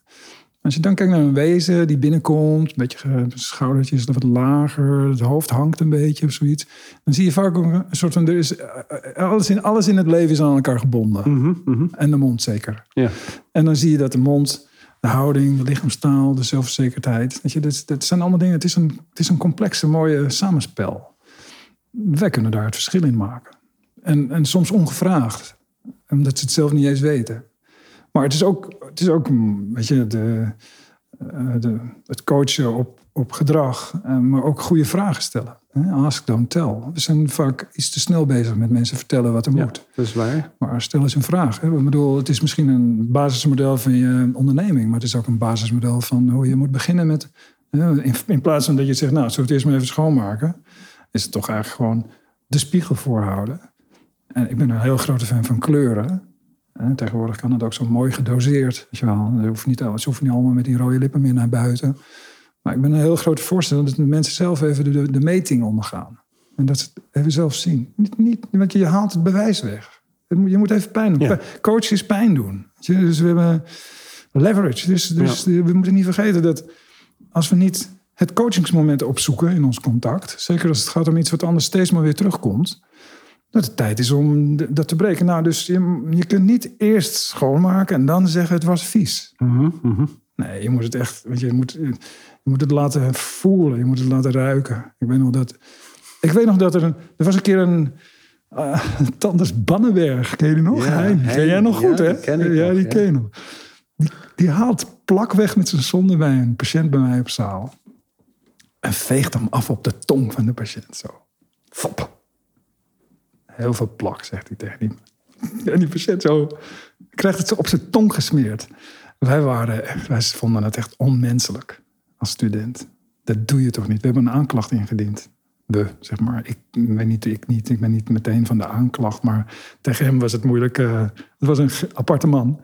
En eh, dit was onmenselijk. Maar later, nu, later zeg maar, denk ik wel van ja, coachen is natuurlijk ook pijn doen. Wijze man was het. Als hij dat nog zou horen. Hè? Ik denk het niet. Maar ehm, eh, het is wel zo dat ehm, leverage is nodig. Je moet mensen pijn durven doen. En, eh, dus confrontatie is nodig. Want anders blijven we, eh, dan zijn we toch alleen maar veredelde schoonmakers. ik, zie, ik vind liever dat mijn mensen, mijn team, mijn preventiemedewerkers, dat ze zichzelf zien als een soort van dental coach. Weet je wel? Ik vind het woord assistent ook, daar ben ik ook mee klaar. Maar assistant. Assistant. Ja. Ik vind assistent ben je net niks. Weet je? Assistent. Ik vond het vroeger wel mooi op mijn kaartje. Assistant professor, maar dat stelde ook niks voor. Nee. Assistant, dat was, en ik hoopte maar dat ze het woord professor blijven zien. Ja. Assistant dent, eh, nee. Nee. Dus het woord assistent vind ik zelf niet meer... eh, Zuster. Zuster. Zuster. Ja, het is wel ergens een afwijking van mij. Ik, eh, dokter Mol, die eh, noemde zijn... eh er was een keer bij kijken. De kaakchirurg, een tandarts die veel kaakchirurgie deed in Diemen. En toen was ik op zijn, eh, in zijn eh, praktijk. En eh, hij had geen weggooispullen. Hij had alleen eh, groene doeken. Zei hij, nee, als ik uit eten ga... wil ik ook gewoon geen papieren servet. Ik wil gewoon een, een, linnen servet. En zo wil ik ook dat ik mij... als ik mijn verstandskiezen eruit haal... wil ik gewoon dat die mensen onder linnen behandeld worden. En hij noemde zijn assistente zuster. Het vervelende is dat ik en Hans Richter maakten daar grapjes over. Maar ik heb het overgenomen. En ik noem dus mijn assistente zuster. Ja. Al twintig jaar lang noem ik ze Echt waar? zuster. Nog steeds, dat Zeg ik niet. ja, dan komt de jonge dokter, zeg ik dan. Ja. Zuster, vertelt u eens. Eh, sorry, hoofdzuster, vertelt u eens. Het slaat helemaal nergens op. Nee, maar er zit een soort, daar, daar zit toch een onderliggende behoefte aan dat je dat, je dat, dat er toch een ander woord zou mogen zijn. Ik vind het wel een mooie zuster. Ja, ik zeg het ook wel eens voor de lol. Komt de zuster. al. Komt de zuster Zuster. Clivia. Ja, nou ja, ik denk dat het... eh, Patiënten vinden het niet erg. Nee, Die- het is ook, weet je, het wordt ook- ook wel vrolijk. Het, Ja. het wordt altijd vrolijk. En de assistenten moeten ook altijd lachen. Nee, het is hetzelfde als dat we op een gegeven moment zeiden van... eh, we hebben geen patiënten, maar we hebben cliënten. Ja, cliënten. Of we hebben leden. Ja. Leden, zeg maar. Hè. We hebben ambassadors en leden. Heel veel ambassadors. Ik, en terwijl bijvoorbeeld bij patiënten heb ik... Patiënt, patiënt is het woord. Zoek het op. hè, is ziek. Ja. Ik ben ziek. Ja. Nee, patiënt in de oude romantische term is dat eh, ik ben zijn patiënt. Ja, Daar was dat trots was, op. was trots. Ja, ja, Nee. ik, was, ik hoor bij deze kliniek. Ja. Dus, dus, dus ik vind het wel mooi om een soort van tribal eh, gedachte... dat mensen graag bij je zijn. Ja. Wat, wat, wat zou eigenlijk een, eh, een, een boek zijn... wat elke jonge tandarts gelezen zou moeten hebben? Ja. Kijk, een, een, een- bestseller van weleer is bijvoorbeeld Stephen Covey. Ja. Best, dat was toch wel een heel bijzonder boek. Ik vond op een gegeven moment wel te veel mensen koffie, koffie, koffie. eh, was, werd een beetje te veel Koviaans. Zeg maar, Ja. Dus, eh, Sectarisch. nou, alsof er niet nog verdergaande iets is. Dat- Maar hij pakt wel alles. Hè? oh, hij pakt veel. Bij alles. En Ja. elk, want elke zin is bijna... Ja, Elke zin is Ja. echt een zin, hè? ja. Het is wel... Ik vind het wel... En de verhalen zijn ook wel heel mooi. Ja, dus het is wel, het is wel, eh, ja, het is wel een boek wat in die tijd en nog steeds staat het op de management top 10 of zo. Het is, het is, het is iets wat de tijd doorstaat, kennelijk. Dus ik vind het wel een bijzonder boek. Ik zou dat wel durven adviseren. Dat vind ik wel. Daarnaast, ja, ik heb zelf een boek geschreven, Ron. Hoe heet het? De winstgevende. Ja, let op. Ik heb een iets andere eh, uitspraak. De winstgevende tandartspraktijk. De winstgevende tandartspraktijk. Ja, dus met een Ja. hoofdletter die begint En zo is die ook bedoeld natuurlijk. Ja, ja. want het is meteen als ik de inleiding... Het is een boek wat je, zeg maar, de kaft... die zou je eigenlijk afdekken als je in de trein zit. Als je tandarts bent, winst, winst, winst. Alsof het vies is, maar het is ook wel... eh, Het mag ook benoemd Ja. worden, want winst is, maakt ook gezond. Het een bedrijf heeft het nodig. Dus, dus, dus waarom niet? Waarom niet? Maar ik zelf had wel de behoefte aan het woord geven... om dat sterker te maken in de uitleg. Maar ik denk dat het... Ik heb, we hebben het toen geschreven, Rolf Mierlook en, en ik hebben het geschreven. En ik weet nog dat we, we gaven natuurlijk een hele eh, uitgebreide cursus. En dat ik dacht, ja, ik ga het een beetje in een boek schrijven. Dan komen de mensen niet meer in mijn cursussen. Maar toen had ik, Ja, dat is pre- pre-Google eigenlijk. Hè? ja, Want tegenwoordig is alles geven, toch? ja, Eerst geef je weg. ja. En toen Eijkman, die sprak ik. Professor Eijkman. Dat was, dat was ook wel een echte leermeester voor mij. En die zei, Nico, Nico, als je verzamelt, moet je ook verspreiden. Dus ja, je zult zien dat Het is je opdracht. Ja, je zult zien dat het schrijven. Je hebt zoveel kennis, je hebt zoveel dingen ervaren met, met eh, al die tandartsen en hun bedrijfsproblematieken en hun veranderingsdrang en hun problemen in hun leiderschap. Dat is toch een boek. Hij zegt, dat is, dat is toch prachtig om dat te schrijven. Dus ik, ik zeg, ja, maar goed, al dat soort boeken zijn al geschreven. Zegt hij, Nico, Nico, Nico, elk boek is een omgevallen boekenkast. Elk boek is een omgevallen boekenkast. Dat is er wel een hele mooie analogie. Mooi, toch? Dat is echt waar. Ja. Dus hij zei, maar je zult zien wat het voor jezelf doet. Want ik, toen ik het af had, het boek, toen was ik ook in, in een soort van next level gearriveerd. Weet je? Alles, alles is gecomprimeerd. En, Ja, het is, weet je, je- ja, het is even expanding, contracting. Weet je? Dus het is even het moment van helemaal bij de kern komen. Hoe schrijf ik dat in woorden dan op? Ja. Want, eh, want als je alleen woorden hebt in de communicatie, dat is wat een boek is. Hoe doe je dat dan? Dus ja, het boek. Nou, ik durf te wedden. Dus het boek is, is natuurlijk te vinden. Want er zijn er meer dan 3000 in de omloop. Maar het, is, het wordt nu niet meer gedrukt. En we zijn bezig om het te herschrijven. Naar een nieuw iets toe. zeg Maar het zal niet meer hetzelfde zijn. Ehm, ik zou dat oude boek maar eens op de kop tikken. Dat is echt goud waard. Ja, Ik sta er zelfs nog in. ja Ja. zeker. Ja, absoluut. Waarom niet? Jij? Ja, maar je bent ook een groot voorbeeld van ehm, misschien wel een van de meest succesvolle tandartsen die ik ken. Ik denk het wel. Ja. Nou, in al je bescheidenheid geef je wel heel snel toe. Nico. Nee, maar je hebt het bijzonder Nico, gedaan. wat bedoel je precies? Ja, precies. Ja, stel nog een vraag. Ja, je kunt het nu heel kort samenvatten, maar je kunt ook denken: kom, kom, kom, kom, kom. Maar ik vond het wel mooi. Kijk, wat jij hebt gedaan, wat ik ook aan jonge tantes adviseer. Het is namelijk: zorg dat je een, zeg maar, een, een soort van homo universalis wordt. Welke twee of drie specialisaties, niet eentje, zeg maar. Welke, welke broodnodige mooie dingen zijn er als je daar nou allemaal tot op een bijna specialistisch niveau kennis van hebt? Wat zou dat betekenen, zeg maar, wat je in je eigen praktijk allemaal zou kunnen? En als je jezelf voorstelt dat je in de rimboe zit en je moet het allemaal zelf doen, wat zou je dan meenemen als, als specialisatie? Dan denk ik, nou, jij hebt het gedaan. Je hebt orthodontie gedaan, je hebt implantologie gedaan. Nou, het zijn twee prachtige specialisaties om mee te nemen. Wat je moet eens kijken wat je allemaal kunt oplossen. Je kunt in het voorstadium kun je dingen rechtzetten. En als het er niet meer is, kun je het weer terugplaatsen. Nou, dat is gewoon een totale verlenging van je hele vak. En je doet heel veel zelf. Je hebt zelf ook wel eens tegen mij gezegd, Nico, daar heb ik wel eens over nagedacht hoor. Je zei kort geleden nog tegen mij, waarom, waarom doe je niet een cursus om zelf wat eenvoudige implantaten te plaatsen? Alleen dat al, weet je wel. Dat is gewoon... Ja, ik denk dus dat je... Dat vond ik al heel mooi. En voor de rest ja, heb je het natuurlijk heel goed gedaan. Dat is wel duidelijk. Weet je? In al je stilte. Want vaak ben je, heb je, het- je hebt het heel veel zelf gedaan. Hè? En volgens mij ben je ook een, echt een enorme specialist op het gebied van marketing. Kun je mij niet voor de gek houden. Maar jee, wat heb jij veel cursussen daarop gevolgd? En hoeveel, waar ben je niet allemaal geweest?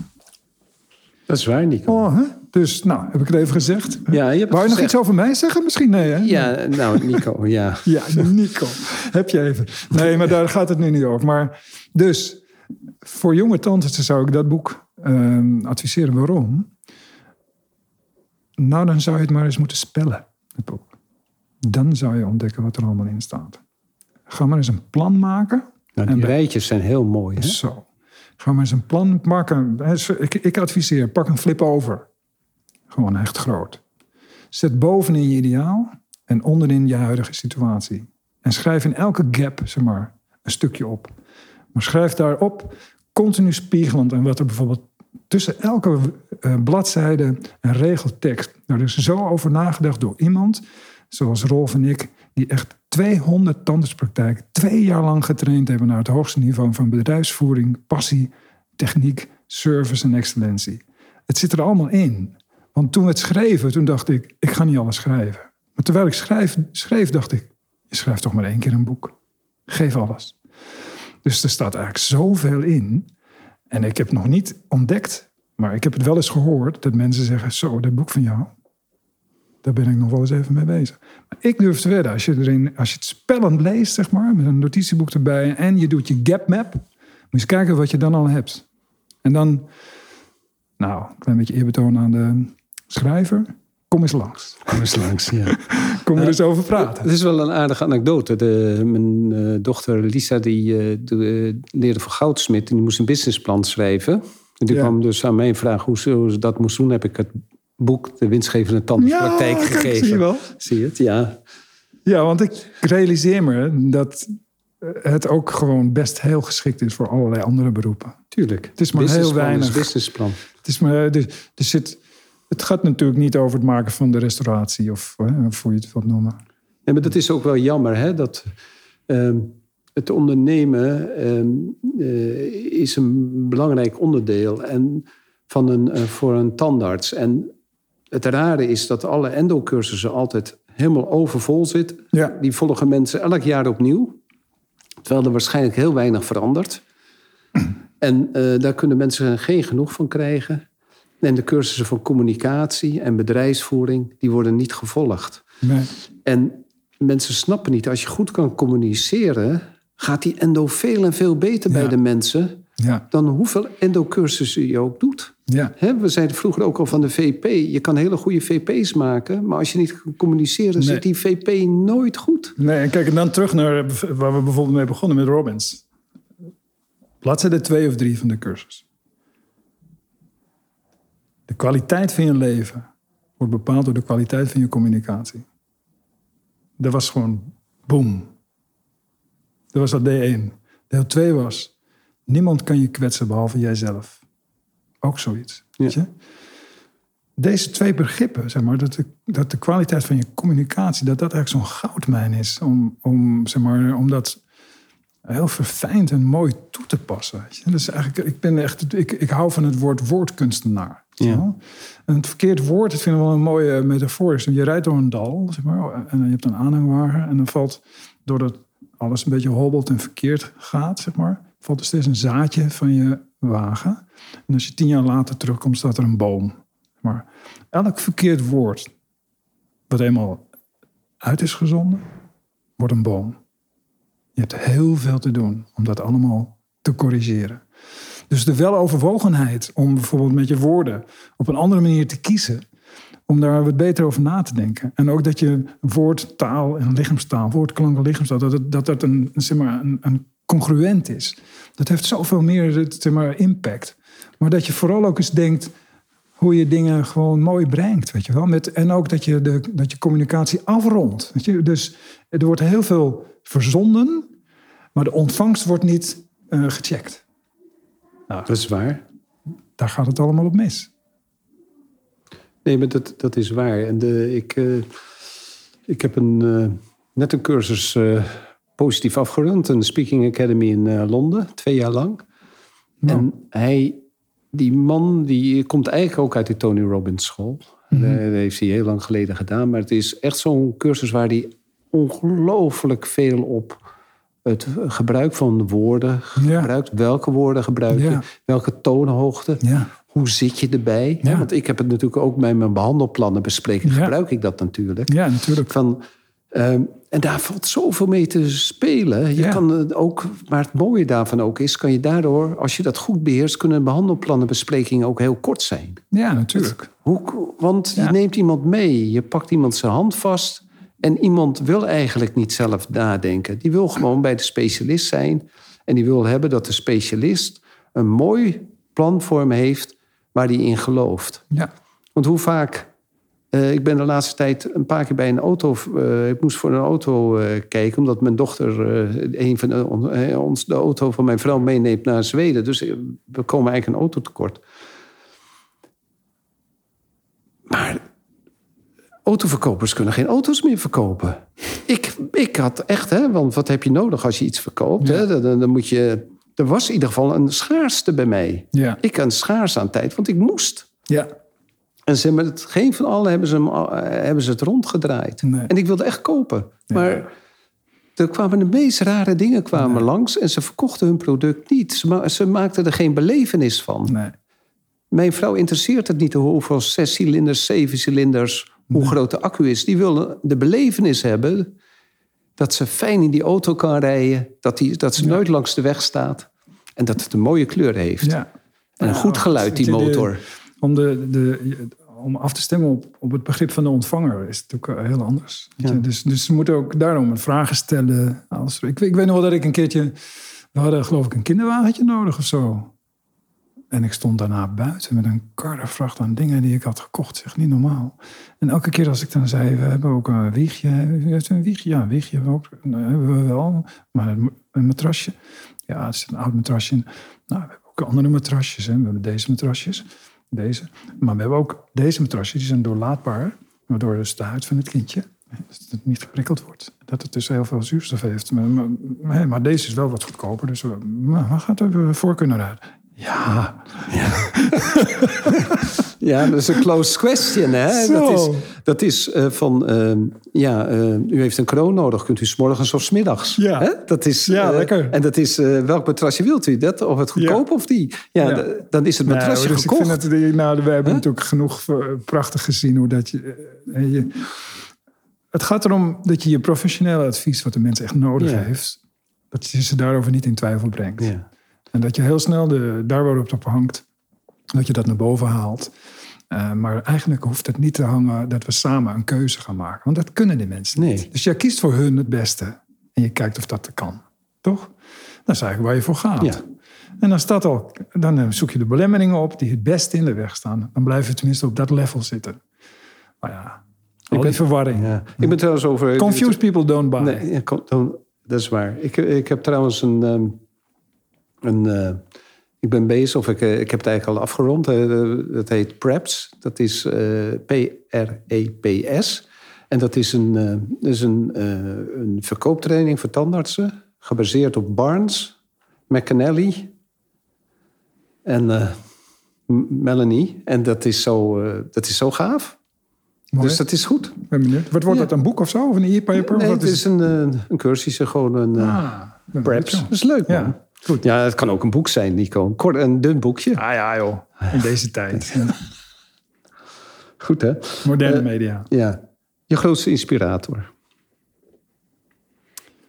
Mijn grootste inspirator. Ehm, nou, ik denk dat een, een belangrijk.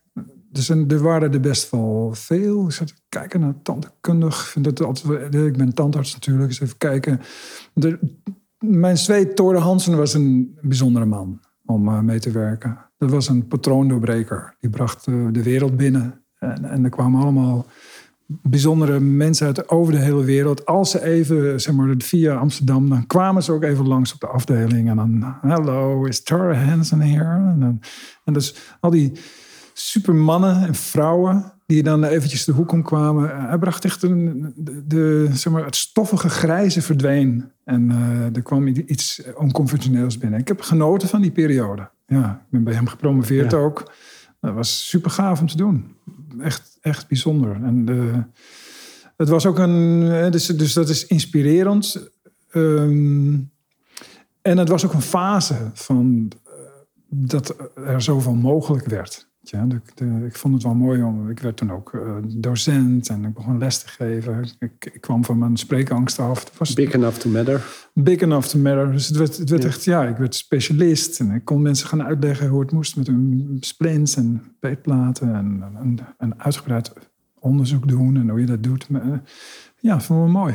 Later, ik vond het wel bijzonder. Ik heb nu... eh, ik zocht vandaag, eh, ik- want ik wilde in jou een paar dingen neerleggen. Ik, ik heb Ik heb hier in het huis niet eens... Ik, ik heb ergens in een verhuisdoos mijn promotiewerk. Ik heb hem wel in de praktijk staan, maar ik heb hem niet eens hier in huis. Maar ik denk dat ehm, mijn Dis- promotie... disorders. Ja, mijn prom- promotie ging over early recognition of disorders. Of craniomandibular disorders. Maar nu, als ik nog wel eens eh, iets schrijf over dat ik gepromoveerd ben... dan zeg ik dat ik gepromoveerd ben op early recognition of disorders. Dat vind ik wel gaaf, want dan denk ik, dat is mooi. Weet je, disorders. I'm, a- I'm- ik kan het heel vroeg herkennen. Ik zie bij jou een heel erg een disorder. en zo early al. Dus dat ik dus meer verstand heb dan alleen van tanden en kiezen, wat natuurlijk ook is. Omdat Ja. het ook over knarsen ging en, en alles eromheen. En eh, de psychologie en de fysiologie, de fysiotherapeut. Dus was, er zat heel veel omheen. Dus het was ook een...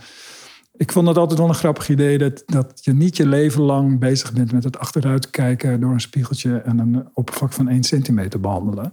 Maar dat je dus, het systeem is groter. En dat, dat past wel bij mijn huidige visie over de tanden van de toekomst. Ik denk dat het systeem nog veel groter kan. Ik denk dat, dat we geschikt zijn om grotere visie dichterbij te halen over de why van de tandheelkunde. Dus, het- dus jij zegt dan ook eh, van zelfvertrouwen. Maar ik denk ook dat we een hele mooie bijdrage door. Er is maar één systeem. Ik, ik ken geen ander. Ik vind het zoiets bijzonders dat je longitudinaal mensen twee keer per jaar ziet. Eigenlijk meet. Ja. Zeg maar. We meten nog iets te weinig eh bioparameters. Ja. Ik denk dat daar, daar Je is. kan makkelijk met zo'n saturatiemeter Ja. zetten. Heel veel snel de, de, de Apple Watch omdoen of uitlezen. Of, Ja, er kunnen dingen. Nou, vroeger had je die druppel bloedmethode. Die Ja. was natuurlijk ook heel erg interessant. Je kunt even. Ik had laatst. Ik ben vegetariër. En eh, Pieter die, eh, van Elsis, die bij mij werkt, die doet ook altijd heel veel eh, nieuwe mooie dingen. Ook over voeding en zo. Dus hij kwam. hij weet dat ik vegetariër ben. Daar is hij niet helemaal. Staat hij niet helemaal achter. Hij vindt dat ik eigenlijk vissen moet eten en zo. En dat is meer van het oer, oermenu, geloof ik. Eh, dus hij zei: Mag ik even, zal ik even je vitamine D-gehalte bepalen? Oké. En dus eh, hij neemt een druppel bloed. En eh, op zo'n indicatortje hij zegt, nou, over tien minuten weten we het. En toen kwam hij terug en zei hij, eh, je hebt een heel hoog eh, gehalte vitamine D. Oh, dus coronaproef. Ja, dus hij zegt, daarom ben je ook nooit ziek. En ik dacht, lekker puppen. Dan hoef ik ook geen vis te eten. Ja, want dus, dat was een beetje mijn ontspelletje. Maar ik vond het hartstikke gaaf dat hij dat even zo bij me deed. En eh, ik vond het ook bevestigend. Ik was, er ook, ik was ook echt nieuwsgierig naar de ja. uitslag. Ja, natuurlijk. Dat ben je je- altijd als het over jezelf gaat. Ja. Natuurlijk, ja. Dus ik, want ik rij ook wel eens langs, eh, als ik op de A1 en, en, en rij ik langs die complete body scan. Dan denk ik, ja, je wil niet alles weten, maar je zou eigenlijk toch alles wel vroeger willen weten. ja. En ik, ik denk dus dat wij een bijdrage. Dit is, dit is, dit is iets wat volgens mij vanzelfsprekend. Over, nou, over 50 jaar. hè, En als ik met de vegetarische slager even spreek, die dan ziet dat de dieren ons eh, het doen waar ze zin in hebben, denk ik dat we meer in een, ehm, eh, een soort van samenhang met de geneeskunde samenwerken om eh, de, dood tien- de top 10 van de doodsoorzaken te helpen vroeg te signaleren en te voorkomen. Dat vind ik net een soort orthodontie, weet je wel. Hoezo rechtzetten? Waarom niet de houding eerst aanpakken en de ademhaling en de logopedie? En waarom loopt zo'n individuutje al zo krom? Wat is er aan de hand in het gezin? Je, wat zie je voor verbanden? Eh, dus je ziet zoveel. Weet je? Als je je gezonde verstand gebruikt na zoveel jaren, word je steeds wijzer. En als ik allemaal zo op, opschrijf wat ik zou zien, zeg maar, dan zou ik nog wel even bezig zijn. Dus de, ik denk dat wij straks een bijdrage gaan leveren aan deze reductie. Ik denk dat wij diabetes gaan aanpakken in een vroeg stadium, gaan signaleren. Volgens mij kan het in een heartbeat, hè? Ja, signaleren. Hè? Dus het gaat mij eh, om signaleren, in kaart brengen. longe- Dus wat, als, als je nou tegen iemand zegt... ik ga jou vanaf nu twee keer per jaar volgen... eh, om te zorgen dat je gezond blijft. En dat je je mooi ontwikkelt als mens. Nou, dan heb je nog heel veel... hè, Je kunt tot en met levenskunst aan toe gaan, natuurlijk. Maar wat zou je dan samen met de geneeskunde zeggen... van wat zullen wij voor jullie meenemen? We zijn toch bezig. Ja. Wat kunnen we voor jullie meenemen? Jongens, zeg het maar. Want ik zie jou ik zou dus zeggen, ik denk dat. Ik zou dus tegen een huisarts kunnen zeggen: Wist je dat ik je hele bestand twee keer per jaar zie? Dat is toch wel wat. Ja. En je doet het niet zo goed. Scoort hoog. Op het gebied van diabetes. En op het gebied van hart en falen. Jouw praktijk. dat kunnen we voorkomen. Ja, maar goed, ik denk dus dat, er, dat wij dus. We kunnen het onderdeel verder. zijn voor de... Ja, op een hele mooie, de- bescheiden manier. Maar ons systeem aanbieden Ja, om te gebruiken. Ja. En, en dat we de weerstand van de gemeenschap verhogen daardoor. Ja. Nico, een analogie of een verhaal wat je je patiënt vertelt. Nou, kijk, leverage vind ik eh, altijd heel boeiend. Hè? Dus dan kun je bijvoorbeeld in een heartbeat iemand veranderen. eh, anders laten denken. Ehm, dus kan een korte ontmoeting eh, bij ons in de praktijk ervoor zorgen dat iemand iets anders gaat doen. Dus bijvoorbeeld zijn tanden poetsen. Ik denk dat iedereen vindt het niet leuk zeg maar, als hij uit zijn mond stinkt. Maar als iemand uit zijn mond stinkt, durf je het vaak niet te zeggen. Heel veel mensen hebben daar moeite mee. Hè? Dus, bij wijze van spreken, je zegt ook niet heel snel... wilt u even in mijn gezicht blazen? Ik werd eens een keer aangehouden door een politieagent... die zei, blaast u even in mijn gezicht? Toen zei ik nog tegen hem... nou, dat is ook niet echt een fris vak wat u heeft. Nou, op zoek naar alcohol. Hè? Maar het, het brein is een verhalenmaker, zeg maar... en houdt ook van verhalen, slaat het ook op. Dus toen had ik al bedacht van... waar zitten we nou aan wat is nou het begin van een verhaal? Dus als ik nou, als nu, ik, ik, mijn personeel is nog aarzelend of ze dit over willen nemen. Maar als ze zeggen, wil je deze meneer even helpen om eens een keer echt te gaan poetsen? Dan, dan eh, gebruik ik dit verhaal. Dan zeg ik dus tegen de patiënt, ehm, ik kan wel even iets zeggen. Zeg maar, eh, lang, heel lang geleden. Ik, ik, ik hoop dat je hoort dat ik nu begin aan een sprookje. Ja, een sprookje, ja. Ja. Was eens. Ja, lang, heel lang geleden. Ik kan ook zeggen, ik ga u een verhaaltje vertellen. Het is een leuk verhaal. Het gaat over u. Zeg, lang, heel lang geleden kwam er uit uw mond frisse lucht. Dat is zeg maar een enorme confrontatie. Dat betekent dus dat ze gewoon stinken uit hun bek. En dus lang, heel lang geleden kwam er uit jouw mond frisse lucht. En dan zie je dus dat die dat hadden ze niet verwacht, want ze gingen namelijk heel erg ontvankelijk zitten. Want er komt een sprookje aan, mama, vertel me nog eens een sprookje. Dus eh, helemaal open, klaar, ready. En dat gaat gewoon over dat je uit je mond stinkt. Ja. Ja, dit helpt enorm. Het is een enorme patroonenbereik. Kan ik iedereen advis- adv- adviseren. En ik vermoed dat je er ongelooflijk veel plezier van kunt hebben met elkaar. Echt heel veel. Ja, dan lach je rot. ja. Ja. Welke drie dingen, Nico, zou je een, eh, beginnende, een startende, beginnende, startende... Een jonge onder- tandarts. Jonge tandarts, studerend, kunnen adviseren? Ja, of misschien zelfs af- afgestudeerd. Ik denk dat. ehm, ik zou ze nieuwsgierig willen maken naar de vervulling zeg maar, die een bedrijf met zich meebrengt. Dus de tandarts als een bedrijf. En ik zou willen dat ze, de, eh, dat ze nu nog even snel en op tijd zeg maar, ingrijpen, waardoor niet alle praktijken aan ketens worden verkocht. En ze zeggen: wees ervoor. Wees ervoor. Sluit een collectief. Wees niet te bescheten. Probeer misschien eens wat meer in zeg maar, het management of de leiding van een bedrijf mee te gaan draaien. Neem verantwoordelijkheid. Volg eens een cursus leiderschap. Terwijl je gewoon medewerker bent. Want iedereen is, een, in, is in zijn directe omgeving een leider. Iedereen verwacht ik, van iedereen verwacht ik dat hij in zijn directe omgeving speelt met complimenten, met kritiek, met openheid, oprechtheid, met de woordkeus. Met, met het, en dat er, een, dat er hele plezierige werkeenheden, inclusief de patiënt, zeg maar, dat het een mooie trias is. Zeg maar. dus, dus ik zou willen dat ze zich meer eigenlijk op communicatie en leiderschap richten, dan alleen maar, wat ik ook prachtig vind, op de techniek. Want ik zie ze allemaal heel erg fancy gaan op eh, mooie composiet en dental art. Maar. Waar ik ook voorstander van ben. Ik vind het prachtig om daar.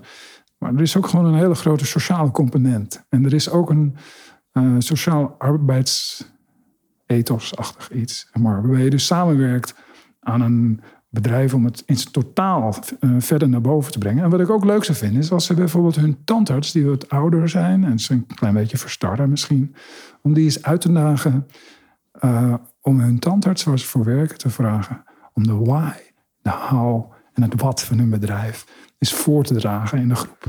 Dat zou ik zeggen. Ja, laat ze dat eens doen. En stimuleer hem dan, Ja, in plaats van te lachen. dat is een mooie uitdaging. Ja, Dat is een mooie uitdaging. ja.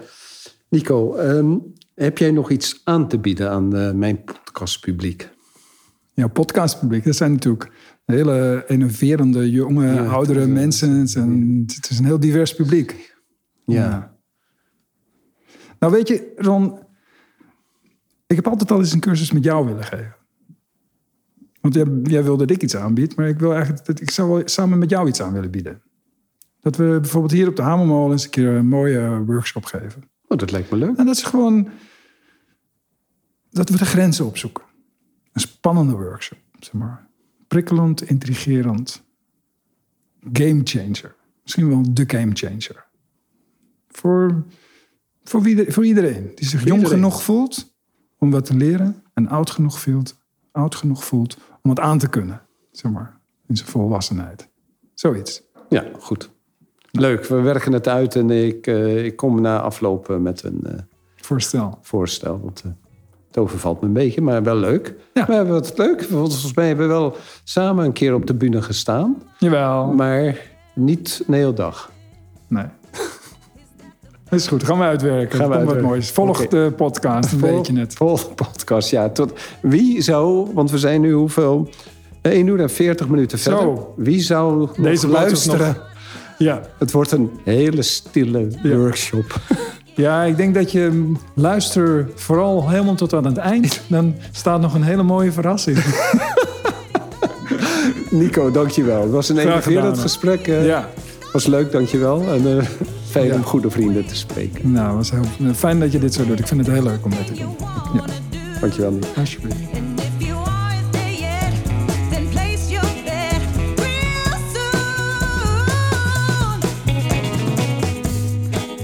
Super dat je weer luistert naar een aflevering van de Tandersvrijheid en Meesterschap podcast. Ik zou het zeer op prijs stellen als je een review achter zou laten.